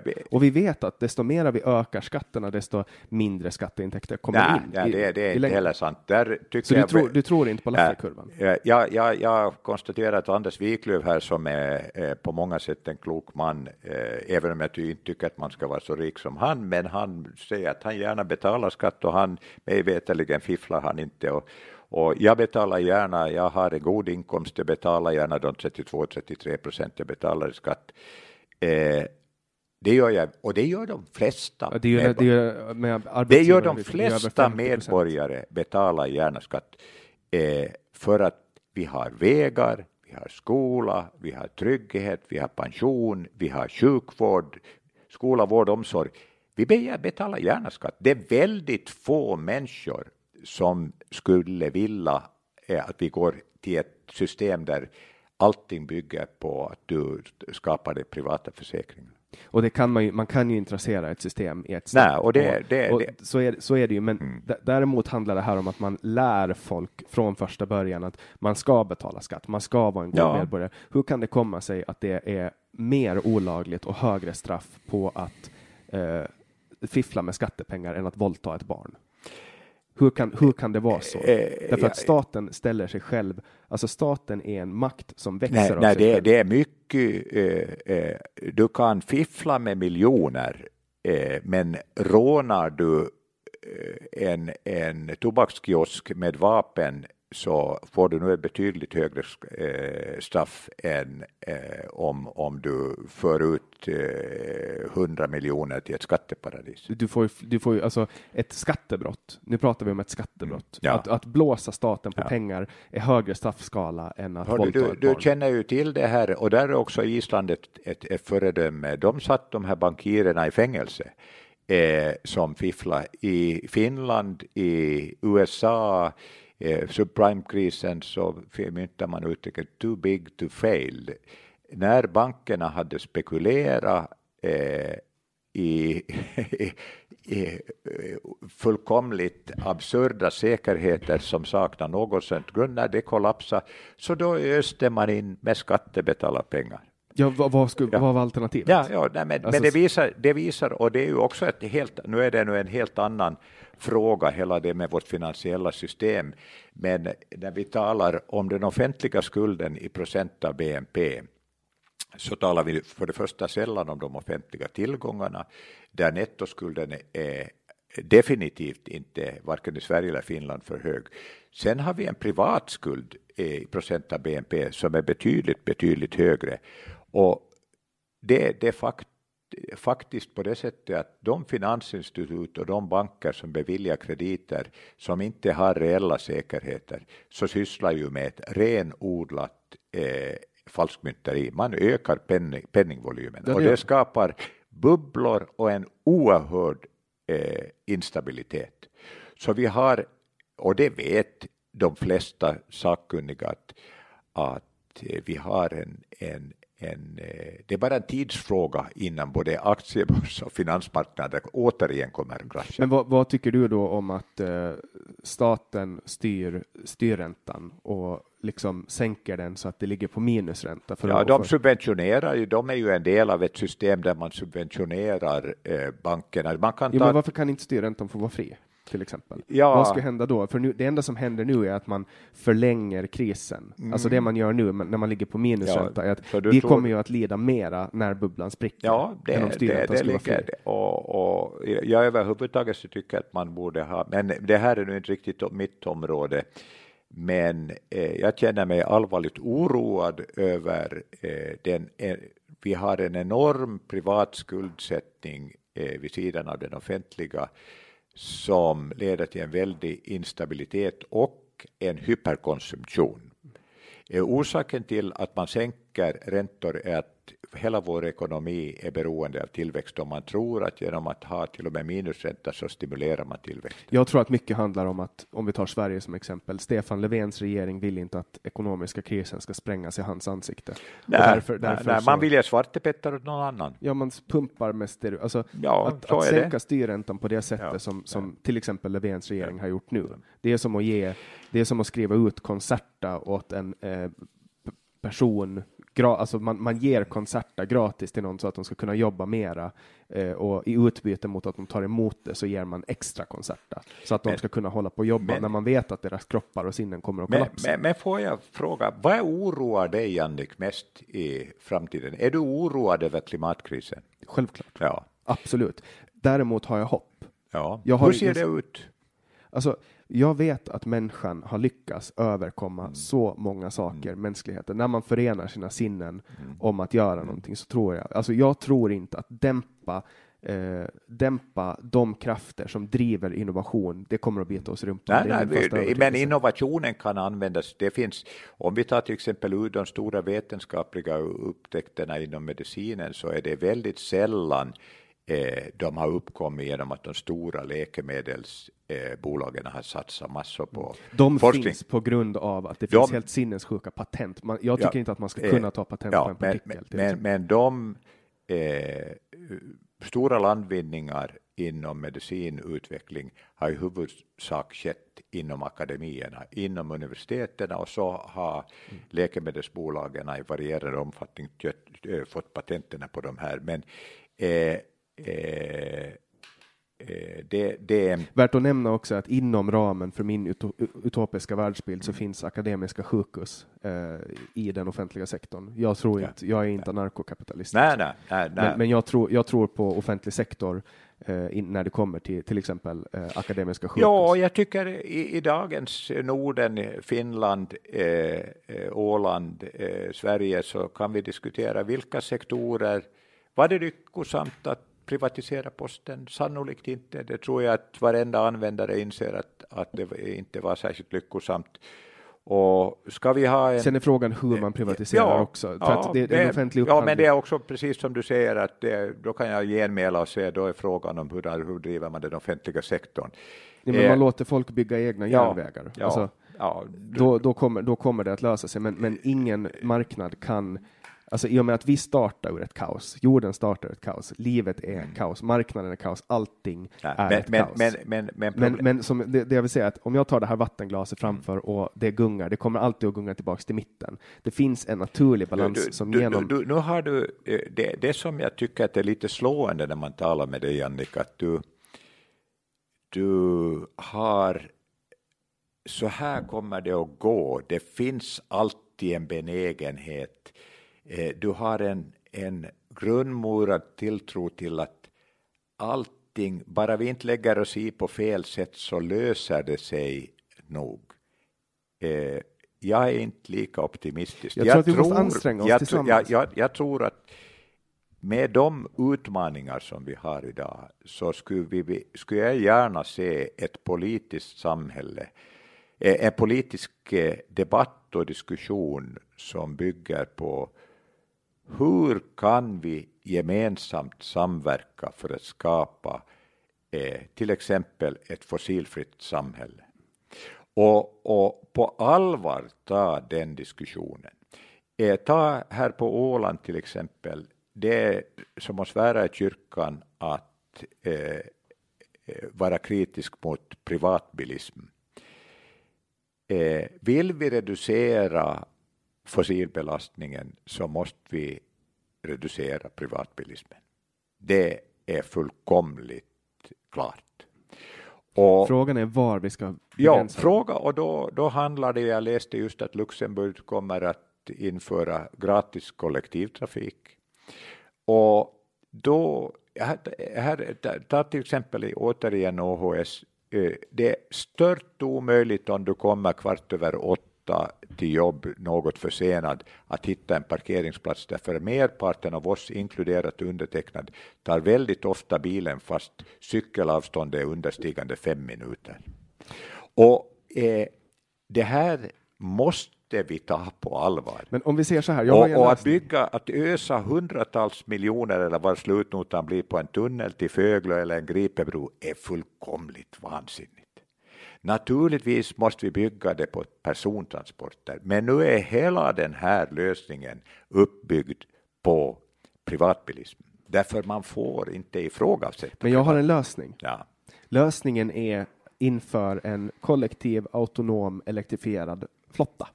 Som, mm. alltså för att då skulle jag kunna ta min bil, du och jag är kompisar mm. och jag har en eh, elektrisk ett elektriskt fordon mm. och jag har gett dig tillåtelse att använda mitt ja. elektriska fordon när inte jag gör det. Ja, jag tar det, det till jobbet på morgonen, ja. åker dit och sen släpper jag det fritt. Det åker iväg och ställer sig på någon parkeringsplats. Det, det är bra idé. Och det, det, jag tror på det här och den här lösningen finns. Den finns tekniskt och den mm. finns fysiskt och den går att implementera. Ja, och, och det, är just den typen, bra Jannik, jag tycker att just den här typen av, av kollektiva eh, pooler av olika kommunikationsvägar, jättebra och Eh, det, det som är klart i en värld med, som har eh, en väldigt hotande miljösituation är att vi kommer aldrig att lösa det om vi väntar på att det upplysta partiet som har rätt i allt kommer att ta en skrällande valseger i världens alla parlament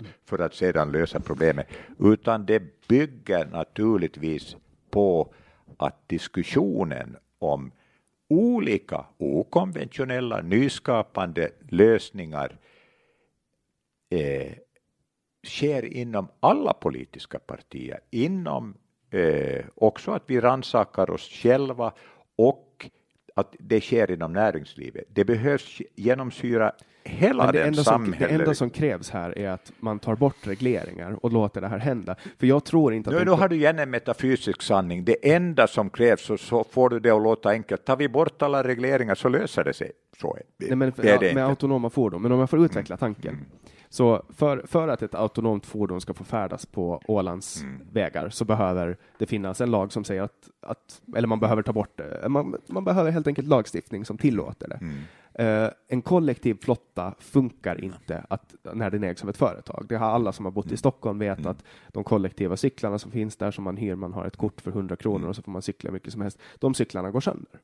För att en, ett, en bil i en kollektiv flotta mm. ska kunna uh, hållas i skick mm. behöver den ägas av någon. Mm. Och därför bör jag, om jag äger en mm. elektrisk Tesla och jag ger tillgång till fem av mina vänner, så fort uh, Petter spyr i min Tesla, mm. då kommer inte han att få ha, mm. använda den mera. Ja, ja, men, men därför, nu, nu inför du igen det här metafysiska. Förtroendekapital. Eh, ja, men du, du hävdar att, att de här cyklarna eh, som finns i Helsingfors och Stockholm, att eh, eh Eh, det är klart, du kan upphandla det men det är samhället som, som organiserar och möjliggör den här tjänsten. Jag kan ta ett annat exempel också som, som ju är intressant. Eh, vill vi reducera energiförbrukningen så skulle vi i alla fall när det gäller eh, lysarmatur och så vidare, skulle väldigt många av oss kunna reducera vår förbrukning väldigt kraftigt, till exempel genom att ha solceller på våra eh, hustak. Eller byta till LED-lampor. Ja, byta till LED-lampor. Och bara medvetenheten om att det finns de här möjligheterna skulle eh, lösgöra oerhörd energi. Men då fordrar det också att vi inför nettodebitering. Elmätarna måste gå så att säga baklänges. producerar vi mer än vi förbrukar så måste vi kunna föra in det i elnätet. Jag tycker vi ska utveckla kärnkraften. Ja, ja, ja det, det, det är en helt annan diskussion. Eh, Varför liksom inte använda den renaste energiformen som den är, titta någonstans, du har ett privat företag som vill, det, det har bygg, all kärnkraft har byggts med offentliga pengar.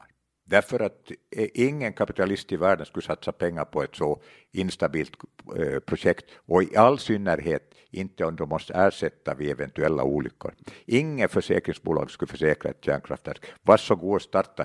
Det finns inte. Allt bygger på offentliga pengar. Men det enda, enda härdsmältan som har, har skett har ju skett i en kommunistisk diktatur. Eh, Fukushima, Ja, men det var ju inte... Harrisburg.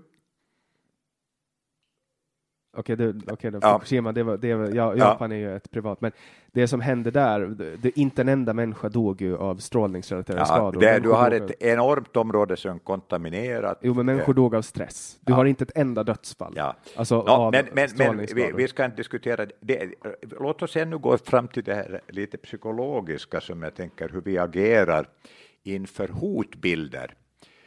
Eh, eh, får jag höra av min doktor, Mogens, nu är det på det sättet att din cirkulation i benen är väldigt dålig.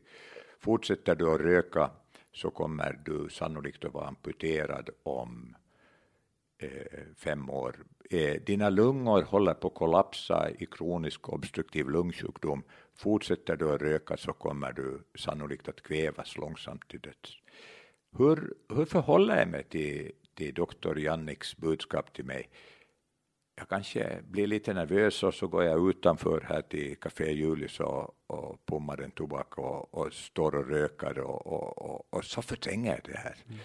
Och det är ju så vi har en väldigt stark och väldigt begriplig benägenhet att blunda för allvarliga hotbilder.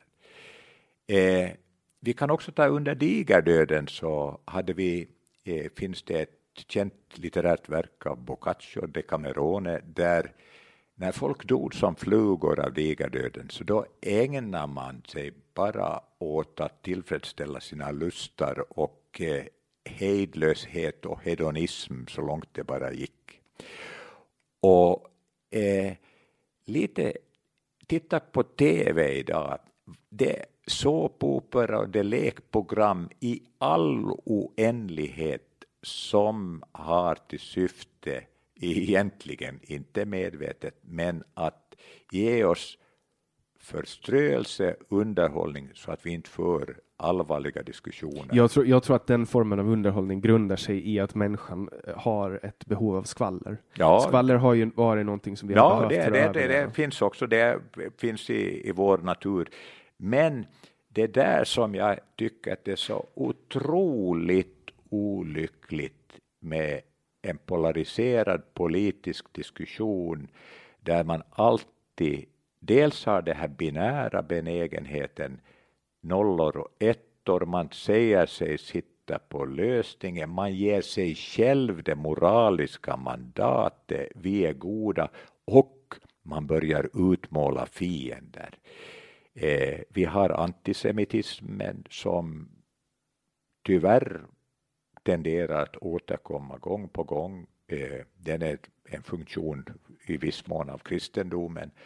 Eh, vi har islamofobi, vi har främlingsfientlighet. Allting som är främmande så eh, eh, kan vi lätt försöka stärka vår egen självkänsla genom att eh, ta avstånd ifrån. Och där tror jag egentligen, det är så väldigt, väldigt viktigt att minnas att alla människor är i stort sett lika. Vi är alla i stort sett helt lika och vi vill ha trygghet för våra nära och kära. Jag tror att det är Kristoffer Treijer som brukar säga att, att, att skulle inte 98 procent av alla människor vara ärliga så skulle inte ett samhälle fungera. Och så är det, oberoende vart du kommer i världen. De flesta människor vill bara leva ett gott liv med sina nära och kära.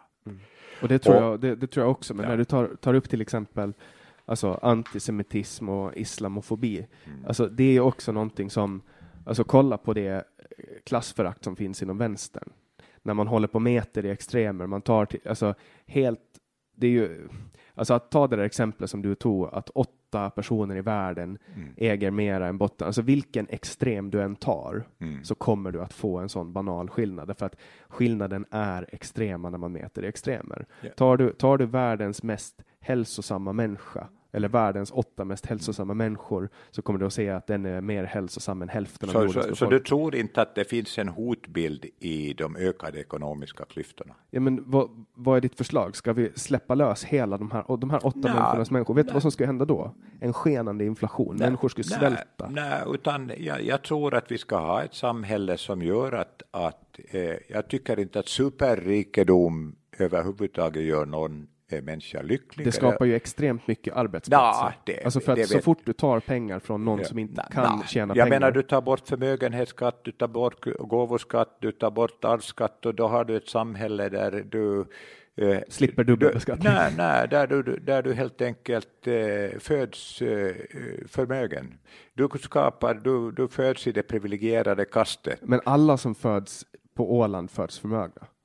Ja, har, relativt sett. Alltså, det, det, det kan, alltså fattigdom på Åland när min mormor var liten var ju att mm. inte ha strumpor på sig. Mm, eller nej, inte, eller absolut, måste gå ja, i... Ja, vi, det glömmer vi eh, ofta här just ur Ålands perspektiv, hur otroligt privilegierade och jag eh, är mycket väl medveten om att, att jag som eh, relativt höginkomsttagare i egenskap av mitt Eh, läkaryrke är otroligt privilegierad. Men jag vill också konstatera att när jag ser eh, eh folk som, som jobbar som kassörskor i, i Mattishallen och, och, vet ungefär vad de har för, så är det ett mysterium att man överhuvudtaget kan klara sig om man är ensamstående kvinna med två barn. Mm. Visst finns det fattigdom på Åland, det kommer vi inte ifrån. Jo, men, men, men om du tittar i den globala kontexten så du behöver inte vara orolig att du ska svälta ihjäl på Åland, det är alldeles säkert. Men sen har vi också skapat ett samhälle där den som vill kan bli läkare.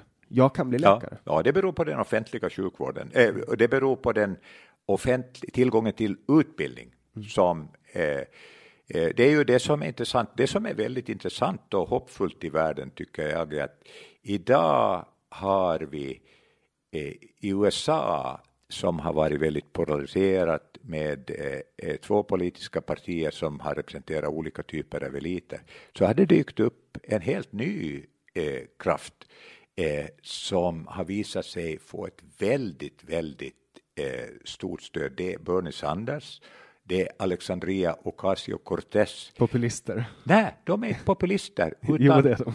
är det populistiskt att säga att vi ska ha en, en sjukvård som eh, de har i Skandinavien?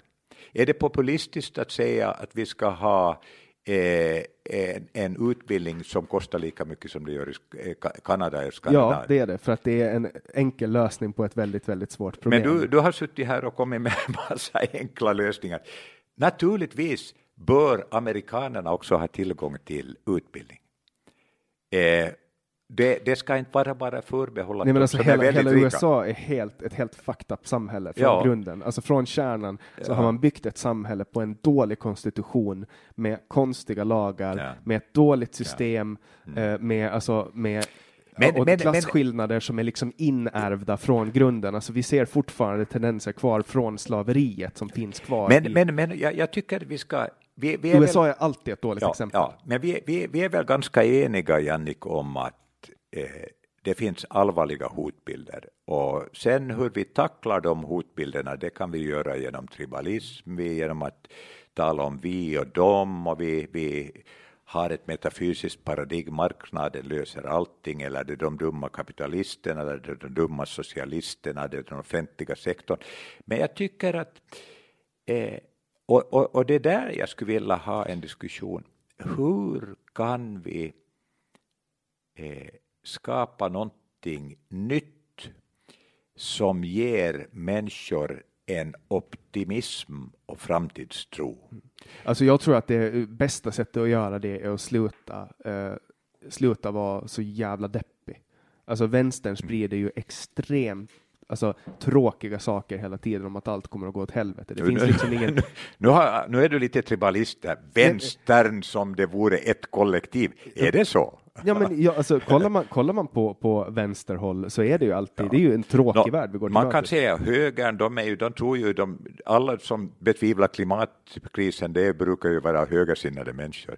Alla som tror på att tekniken ska lösa allting och den immateriella produktionen ska lösa tillväxtens ja, problem, nu, nu tänker jag, det är högern. Va? Men nu tänker jag mer, okej, okay, men vi säger, ramar in vänstern då. Eh, jag tänker på Sverige, Vänsterpartiet, Socialdemokraterna och Miljöpartiet. De pratar hela tiden om hur illa saker är och det finns väldigt lite framtidstro. Alltså det rådande styrande, ja. alltså par, par, ja. partiet och partietablissemanget i Sverige sprider ja. en dystopisk ja. världsbild. Ja, där och håller det jag helt, är farligt. Ja, det, och det är det jag menar när jag säger vänstern. Jag tror att det är farligt och jag tror att det kan vara en del av den psykiska ohälsan. Människor ser i en framtidstro. Och... Klimatångest har uppkommit på grund av att människor har börjat prata om klimatångest. Alltså nu till exempel har man ju bytt namn på hypokondri till hälsoångest. För att nu vet vi vad det är. Det är människor som övertänker på saker de inte kan förändra. Och ingen människa som individ kan rädda klimatet. Ingen människa som individ kan liksom, det finns så många saker vi inte kan förändra. Vi har bakterier, vi har sjukdomar, vi har mm. kroniska sjukdomar. Jag tror att den individualistiska världsåskådningen, där man har en tro, för jag tror att en tro på en högre kraft är väldigt mm. viktig för varje människa. Därför att vi ser att desto mera människor vänder sig från det som folk kallar för Gud, eh, eller en högre makt eller en framtidstro, desto sämre börjar du, människor må. Du be vi behöver en gud i ekvationen. Inte Gud, men jag tror en framtidstro. Nej, För en, en tro på framtiden, det är en tro på Gud. Ja, nej, ja, ja, jag skulle säga så här. Eh, eh, du har i hög grad delar din uppfattning. Eh, en vänster som bara är emot, man är emot kapitalism, man är emot olika avigsidor i kapitalismen. En sån vänster gräver sin egen grav. Det som i tiden gjorde att vänstern var en samhällsomdanande kraft, det var att man talade om eh, åtta timmars arbetsdag, allmän rösträtt, eh, eh, pensioner. Eh, att man vågar lyfta fram visionen. Idag gör inte vänstern det i hög grad. Vad är det som Men det är ju på, grund, det är ja, på grund ja. av att alla kostnader har sjunkit. Ju... Ja, men det beror också på att idag är det väldigt få socialdemokrater som vågar säga att de är antikapitalister. De vågar inte diskutera eh, eh, system. Men det är ju för att de vet att socialism är dåligt. Nej, nej det är inte det. En demokratisk socialism är aldrig en prövad samhällsmodell. Ja, Dubček försökte genomföra det 68 i Tjeckoslovakien. Warszawapakten invadera med Natos godkännande Tjeckien, Tjeckoslovakien. Därför att en demokratisk socialism, läs Dubčeks eh, eh, Eh, eh, olika eh, initiativ. Och jag inser att socialismen eh, det, det, det är fullt precis som kristendomen så har det skett oerhörda brott i dess namn.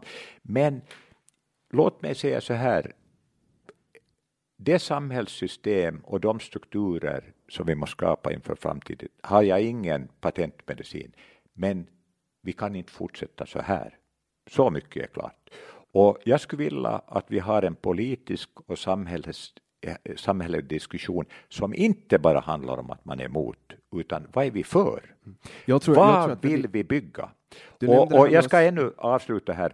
Det är intressant att du har i Grekland har du ingen socialdemokrati kvar, i Italien har du det inte, i Frankrike har du det inte, i, i, i Sverige har sossarnas understöd halverats och det beror på att man har varit totalt defensiv och inte förmått att lyfta fram en trovärdig samhällsvision. Och man har varit extremt naiv. Ja, man, man, man, har, man har levt på gamla meriter. Och man har blivit elitist.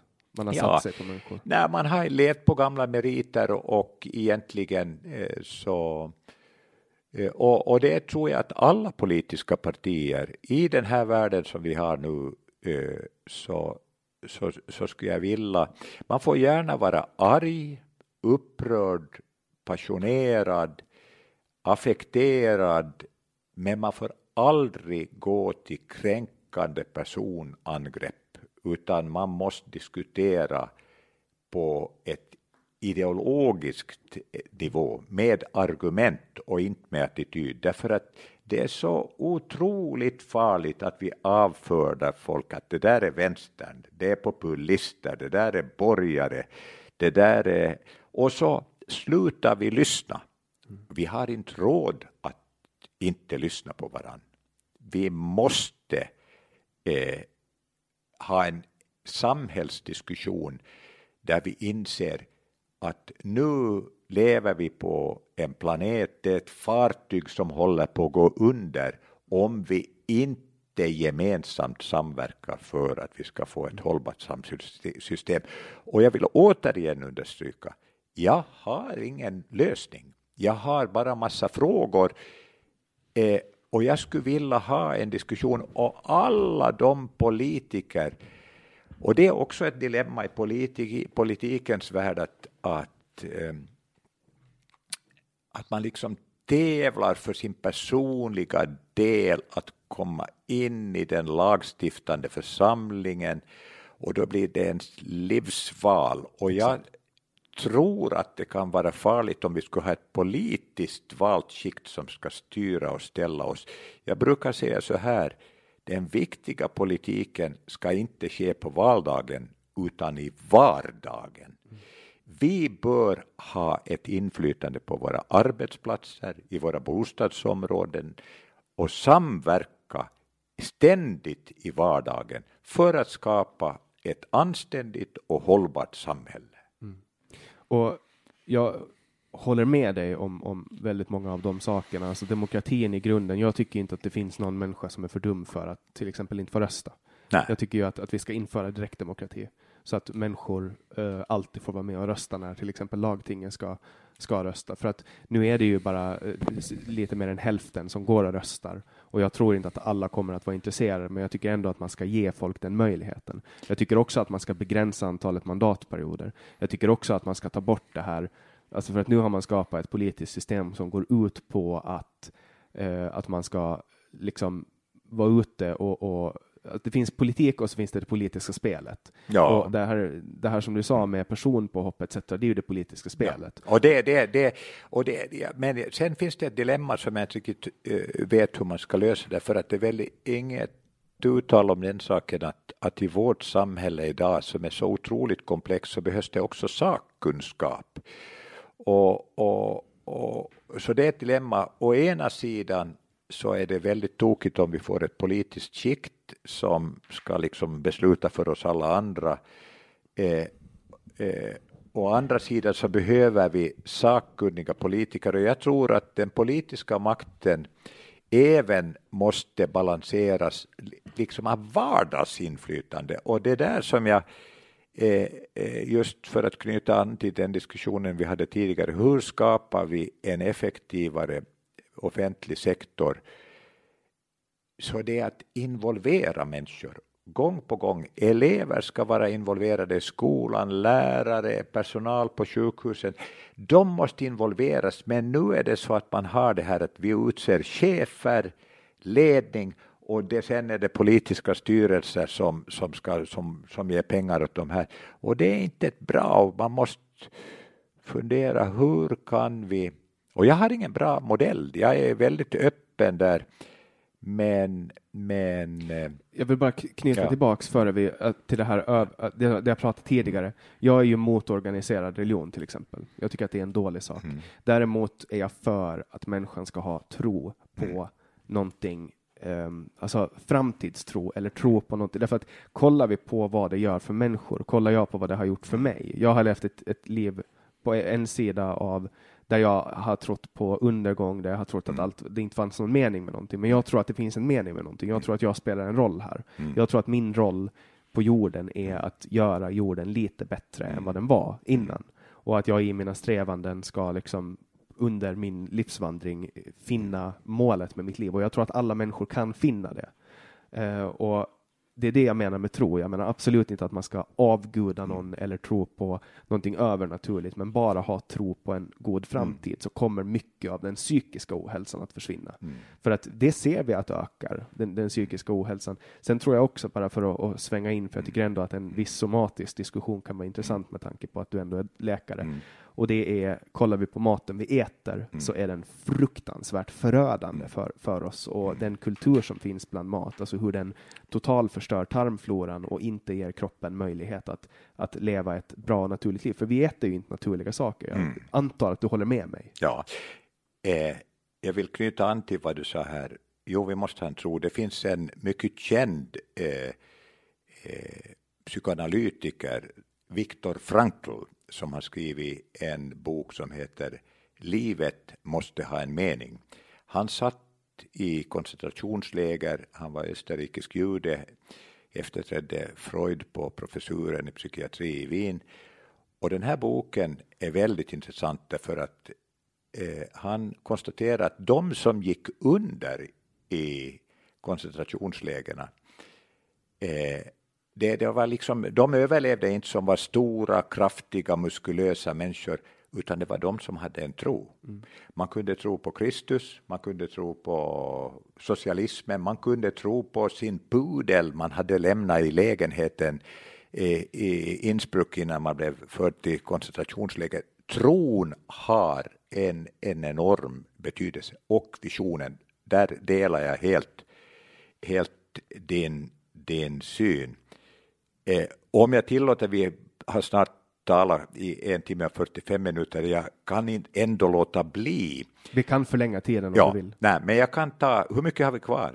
Alltså vi kan, vi kan hålla på i tre timmar. Ja, nej, men jag, jag, har en, jag, jag vill ändå roa mig lite med att det här med psykisk ohälsa. Vi kan, vi kan fylla på kaffemuggarna. ja, nej, det är alltid bra. Okej.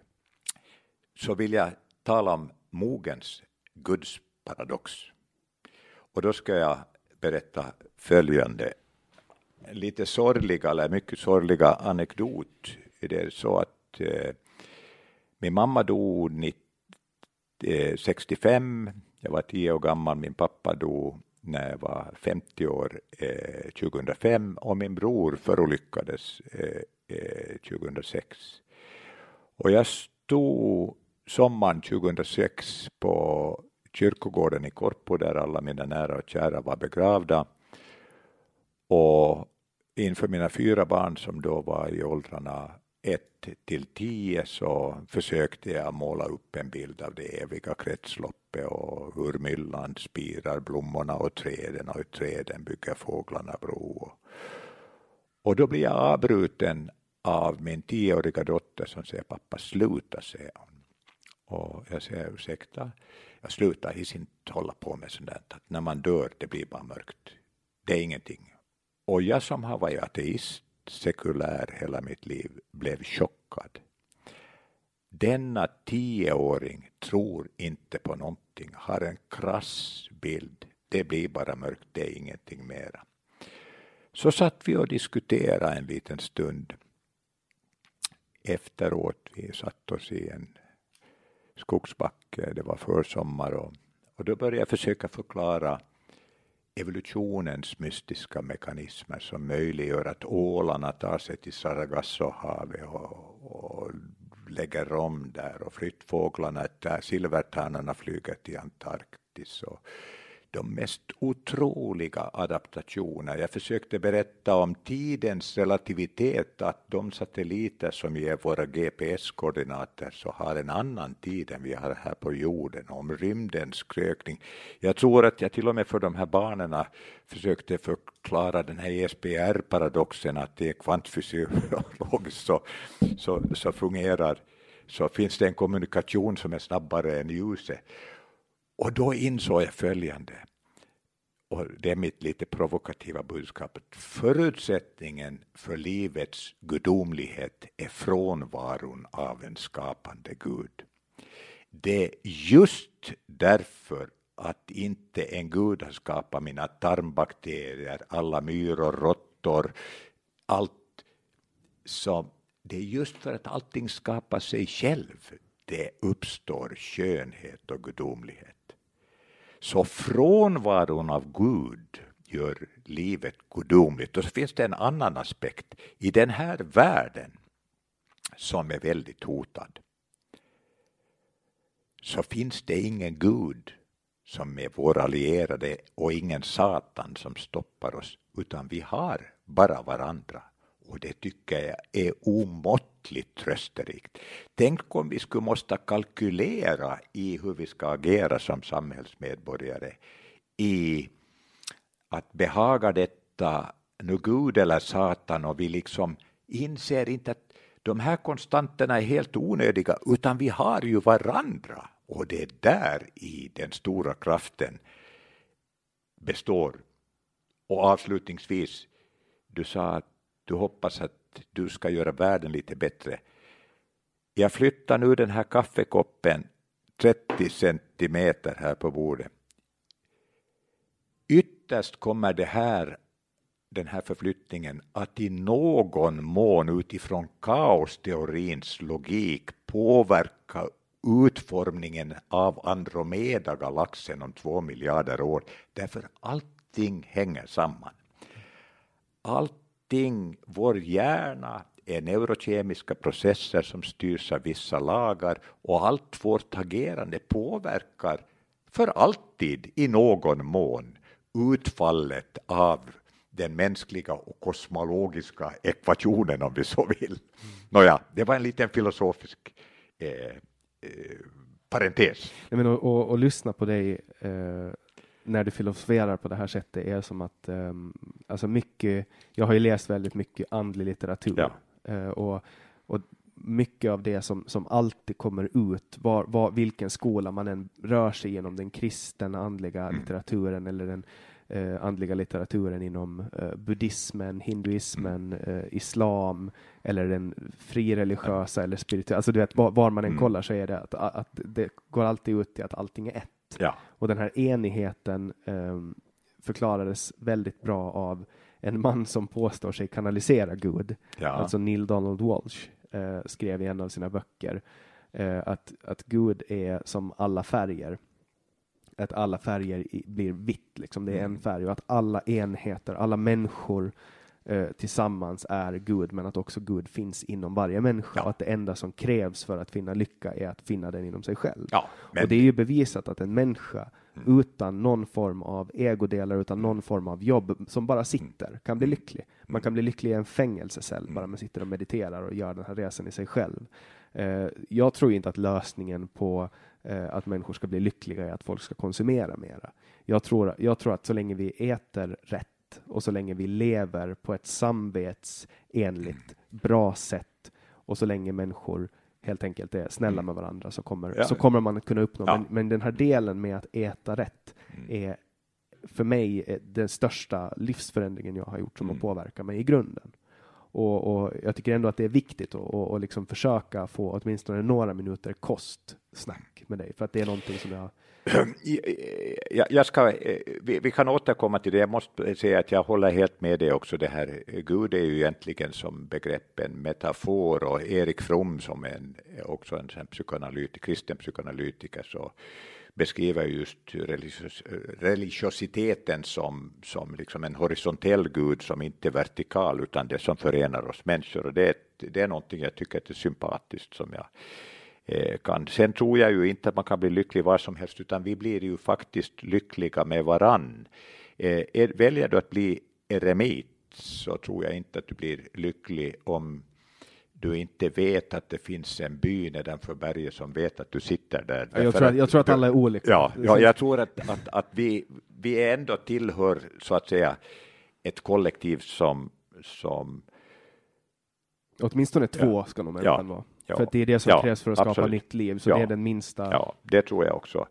Men det här med kost, jag är ingen eh, eh, expert på kost, men jag skulle vilja tala om någonting som kopplas till mitt yrke och det är någonting som lite handlar om det här med att diagnostisera mänskliga beteendevarianter.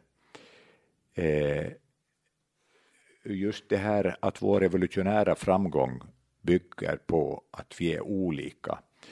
Och, och eh, eh där så fanns det där till exempel det här begreppet nu som kallas ADHD så eh, att evolutionen har sparat en sån mänsklig beteendevariant beror sannolikt på att under vår jäglar och samlad tillvaro så hade det ett överlevnadsvärde för gruppen. De var spanare? Ja, de var lite där och så att det inte kom hyenor och lejon och åt upp våra barn och vi kanske hade de här med Asperger nördarna som satt och sorterade ätliga rötter från oätliga vid lägerelden och, och fick inte störas när de satt en, en pinne i brasan. Så, eh, det är viktigt att inse att, och det är en stor fördel att vi är olika. Och när vi talar om sjukdom så måste vi alltid relatera det till det samhälle vi lever i. Det fanns en mm. sociolog i Mexiko som hette Ivan Illich som skrev en bok som hette Den farliga sjukvården där han talar om social iatrogenes, det vill säga har folk alltid ont i ryggen och vi bara matar i dem eh, smärtlindrande för att stävja ryggverken men vi ställer oss aldrig frågan varför har alla ont i ryggen? Då bevarar vi kanske en livsstil som gör att vi får ont i ryggen, att vi sitter för mycket, att vi rör oss för lite. Har vi typ 2 diabetes, högt blodtryck, så kanske det just beror på att vi äter ohälsosamt och rör oss för lite. Vi har, så som läkare har vi om vi bara behandlar den enskilde patientens symptom och sjukdom och aldrig tittar på det sammanhang den har uppkommit i, då konserverar vi i viss mån just denna felaktiga, detta felaktiga sätt att leva. Mm. Och det är otroligt viktigt. Ser du socker som en drog? Jag vet inte. Jag vet att, och det vet alla som jobbar med mig, att är det nu någon som alltid plockar i sig choklad eh, när den finns tillgänglig så är det jag. Eh, och om det nu är ett beroende eller inte, men det är i alla fall en ovana jag har. Mm. Och möjligen eh, kan det vara, där, där, där skulle jag säga så här, Eh, att eh, just ännu det här att träffar du en tvärsäker läkare så byt läkare. Det, just de som säger att socker är det som är orsaken till all din, att du inte mår bra, då förhåller jag mig väldigt skeptisk om man har en väldigt absolut förklaring eller att du är född i fiskarnas tecken eller stenbock eller kärnan står i, i ascendenten för bla bla bla. Har man absolut, att vara människa är att vara omåttligt komplex. Mm. Och och att man är en individ. Att man är en individ och, och, och där, där tycker jag att det, det är väldigt... Är det så att 1,1 procent av Sveriges befolkning idag äter antidepressiva så måste vi ställa oss frågan vad är det samhälle som, i samhället som gör helt frånsett om de hjälper eller inte. Jag är övertygad om att vi behöver farmaka ibland, men vi kan inte nöja oss med att behandla eh, människors illamående med farmaka. Jag vet ju, jag har ju länge lidit av psykisk ohälsa och mm.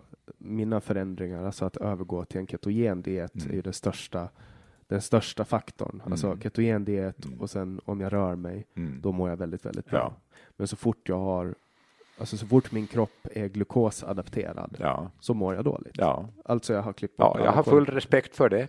Absolut. Som läkare, vad, vad, vad tänker du om en, en ketogenkost? No, jag vet ju att det finns till exempel vissa epilepsiformer där du kan få en epilepsi att, att minska med eh, eh, ketogenkost. Eh, jag är inte kunnig på det här och jag skulle säga att jag tror jag är ganska typisk i min yrkesbransch eh, ursäkta nu de kollegor som eventuellt lyssnar på, på det här.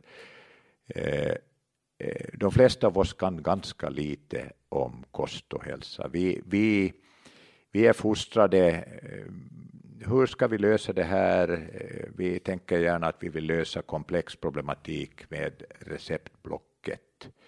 Och, och jag, jag, jag, jag brukar ibland tänka så här att det är bara några decennier sedan vi sysslar i Norden med tvångssteriliseringar. Den som upptäckte, innan citationstecken, lobotomin fick Nobelpriset i medicin. Och då kan vi ibland kanske tro att, att inom medicinen så, så, så är vi idag mycket mer vetenskapliga och mer etiska än man var på 30-talet när man tvångssteriliserade folk jag är inte alldeles säker, vi behöver bara titta på exemplet med Paolo Macchiarini som eh, fick stöd av det mest auktoritativa medicinska etablissemanget i världen, det vill säga de som delar ut Nobelpriset i medicin, så fick han hållas och bedriva sin ytterst oetiska verksamhet på Karolinska sjukhuset i åratal. Han som genomförde begrepp på människor som dog av dem? Ja, han, han, det var de här plastsuparna som han äh, bedrev på ett ytterst oetiskt sätt. Och då ställer jag mig den här frågan som är kopplad till det här med kosten. Om världen får fortsätta utvecklas, vad kommer man om 30-40 år att säga att hur fungerar läkarkåren på slutet på 1900-talet, början på 2000-talet när de sysslar med den här typen av behandling. Och då ställer, undrar jag, vad är det som vi idag gör väldigt fel? Och, och där tror jag att det mycket handlar om psykisk ohälsa, är att vi tror att det komplexa som det är att vara människa löses med ett piller en depression, man kan ha nytta av piller och jag vill understryka att jag ifrågasätter inte alls de som har haft oerhört kanske livsräddande hjälp av eh, antidepressiva. Men det är inte en lösning. När vi medicinerar barn idag med eh, amfetamin liknande preparat för ADHD kan det behövas. Det finns säkert någon som har ett barn som den upplever att, att har förbättrats av amfetamin. Men när det som i det är många stater i USA 15 procent av pojkarna i åldern till 12 till 16 behandlas med amfetamin. D där, där tror jag att de här personerna i fråga inte alltid behöver en medicinsk behandling utan behöver ett skolsystem och en omgivning som accepterar dem för dem de är. Precis, och jag brukar ibland säga så här, jag som inte kan ta en ren ton och totalt saknar gehör.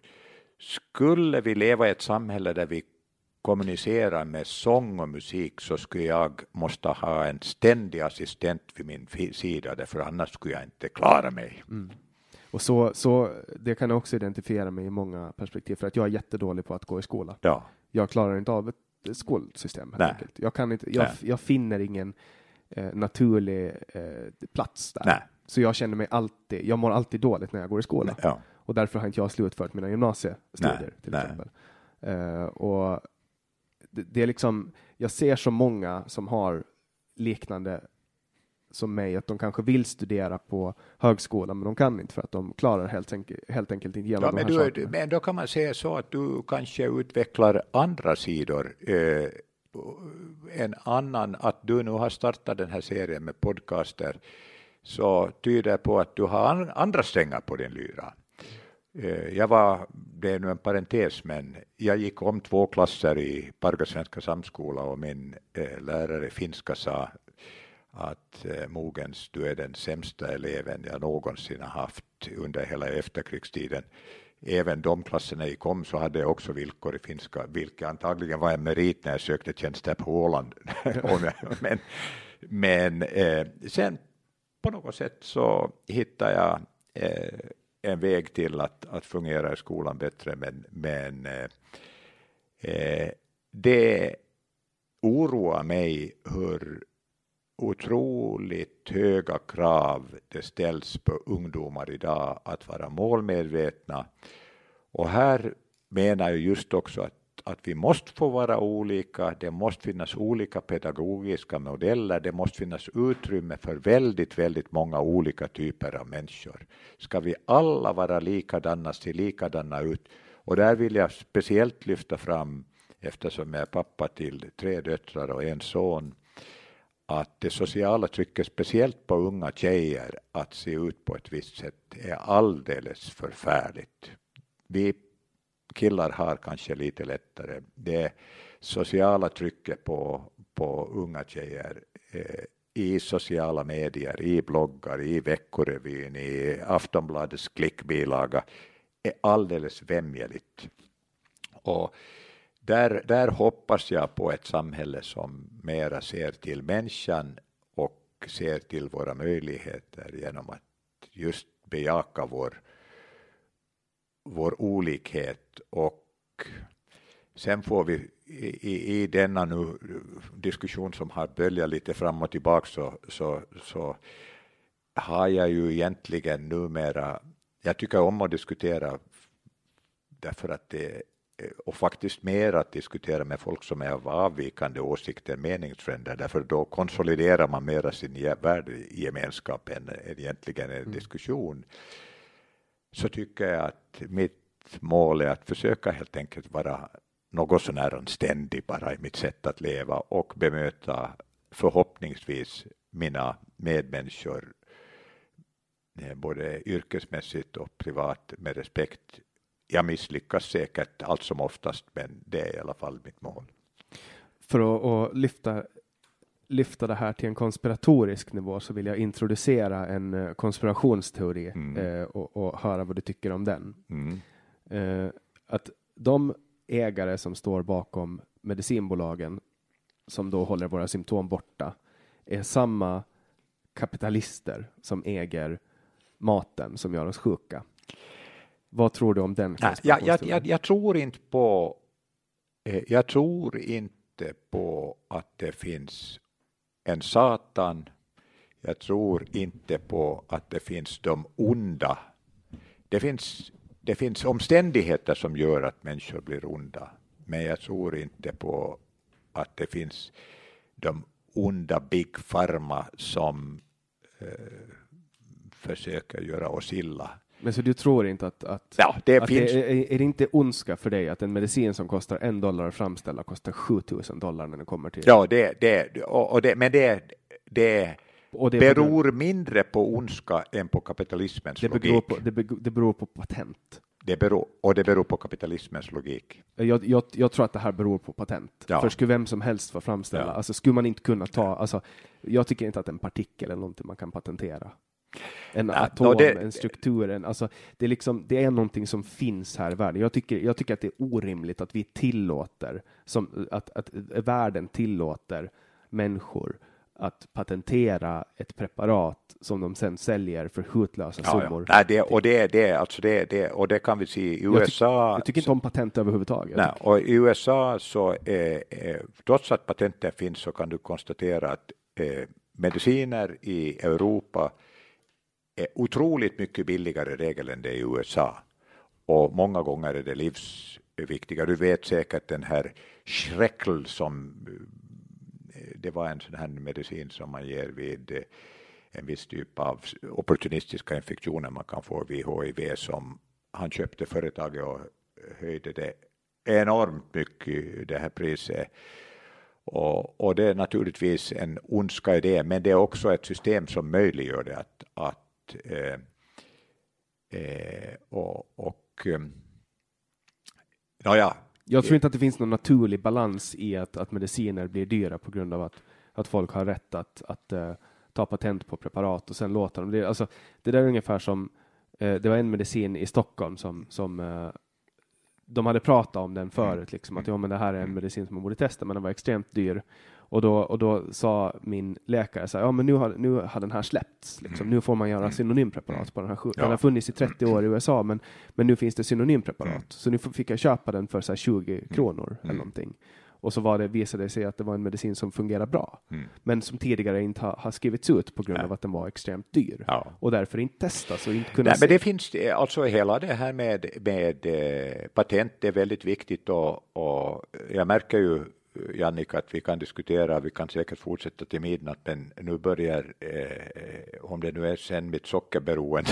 Ja, det är första gången en gäst avslutar en podd kan jag berätta för dig. ja, ja, jag ska inte avsluta, eh, men, men jag ska, eh, det var någonting jag tänkte, Frivilligt alltså. ja, ja, Det bru- brukar ofta vara jag som säger nu har tiden gått. Ja, också. men det, det är någonting som, som jag tänkte säga eh, om vad var det vi talade om? Jo, jo, det här är ett helt eget tema, det här, men det har, jag vill kort beröra det, därför det visar också, eh, eh det finns ett avtal som EU har slutit med Kanada som heter CETA-avtalet.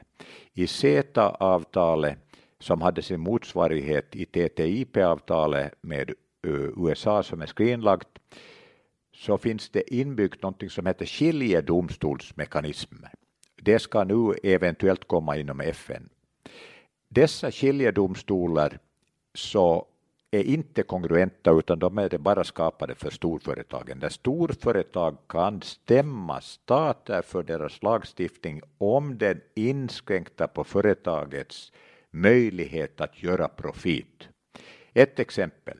Philip Morris stämde Australien för att de stiftade en lag om att man skulle ha skrämmande bilder på cancer på paketen och eh, Philip Morris förlorade faktiskt, men Nya Zeeland avstod att stifta en sån lag därför att de var ovissa hur utfallet skulle bli. Så idag, eh, det är helt okej att ett företag kan stämma eh, Eh, en nation om man exproprierar investeringar man har gjort. Men att man ger företag rätten att stämma stater om de minskar möjligheten för framtida presumtiva vinster, det är fullkomligt absurt. Och det här finns en uppsjö av sådana skiljedomsavtal och det förvånar mig ytterligt mycket att det inte ses som ett allvarligt hot. Men det, det är en helt egen diskussion. Jag tycker att det har varit väldigt roligt att diskutera med dig. Och, Jag, ty- jag tycker att du ska starta en egen podd. Ja. En riktigt bra poddpartner måste jag säga. Ja, no, men vad roligt. Det var, ja, men det var skojigt. Jag var lite tveksam så här eh, nu senare. Jag tänkte då, det var ju lite smickrande alltid att få frågan så där, men så tänkte jag att en och annan av dina gäster har tänkt att ja, vi hör nog inte liksom till samma kategori. Att ska jag nu, men så såg jag nu googlar samt att nu är det ju ändå ett ganska blandad skara, men jag tycker att det har varit roligt och, och det säger väl lite om min snacksalighet och, eh, och eh, viss, eh, vad ska vi säga, egocentricitet att jag tycker att det är så pass roligt. Men det har varit riktigt skojigt att vara här så jag tackar för, för att jag fick den här möjligheten. Det är alltid tankeväckande att försöka formulera vad man står. Och tack, tack för att du kom och tack till er som har lyssnat ända till slutet. Eh, som ni vet så hittar ni alla våra samtal på hemsidan www.samtal.ax. Ni kan också följa oss på Facebook. Eh, och eh, nu har ni också möjlighet att om ni känner för det, om ni tycker att det är värt det, gå in på patreon.com samtal så kan ni donera pengar om ni tycker att det här frivilliga projektet är värt en liten slant så finns möjligheten att göra det. Och vi släpper nya samtal varje onsdag hela året runt. Producent för det här avsnittet var Didrik Svan. Jag heter Jannik Svensson och du har lyssnat på podcasten Samtal.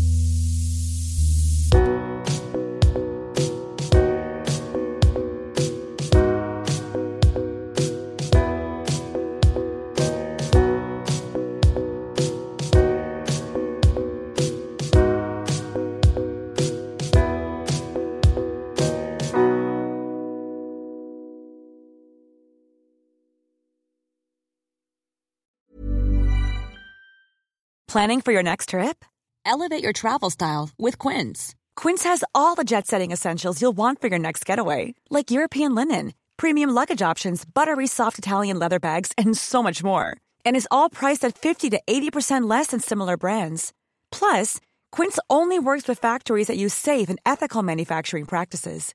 Pack your bags with high-quality essentials you'll be wearing for vacations to come with Quince. Go to quince.com slash pack for free shipping and 365-day returns. Planning for your next trip?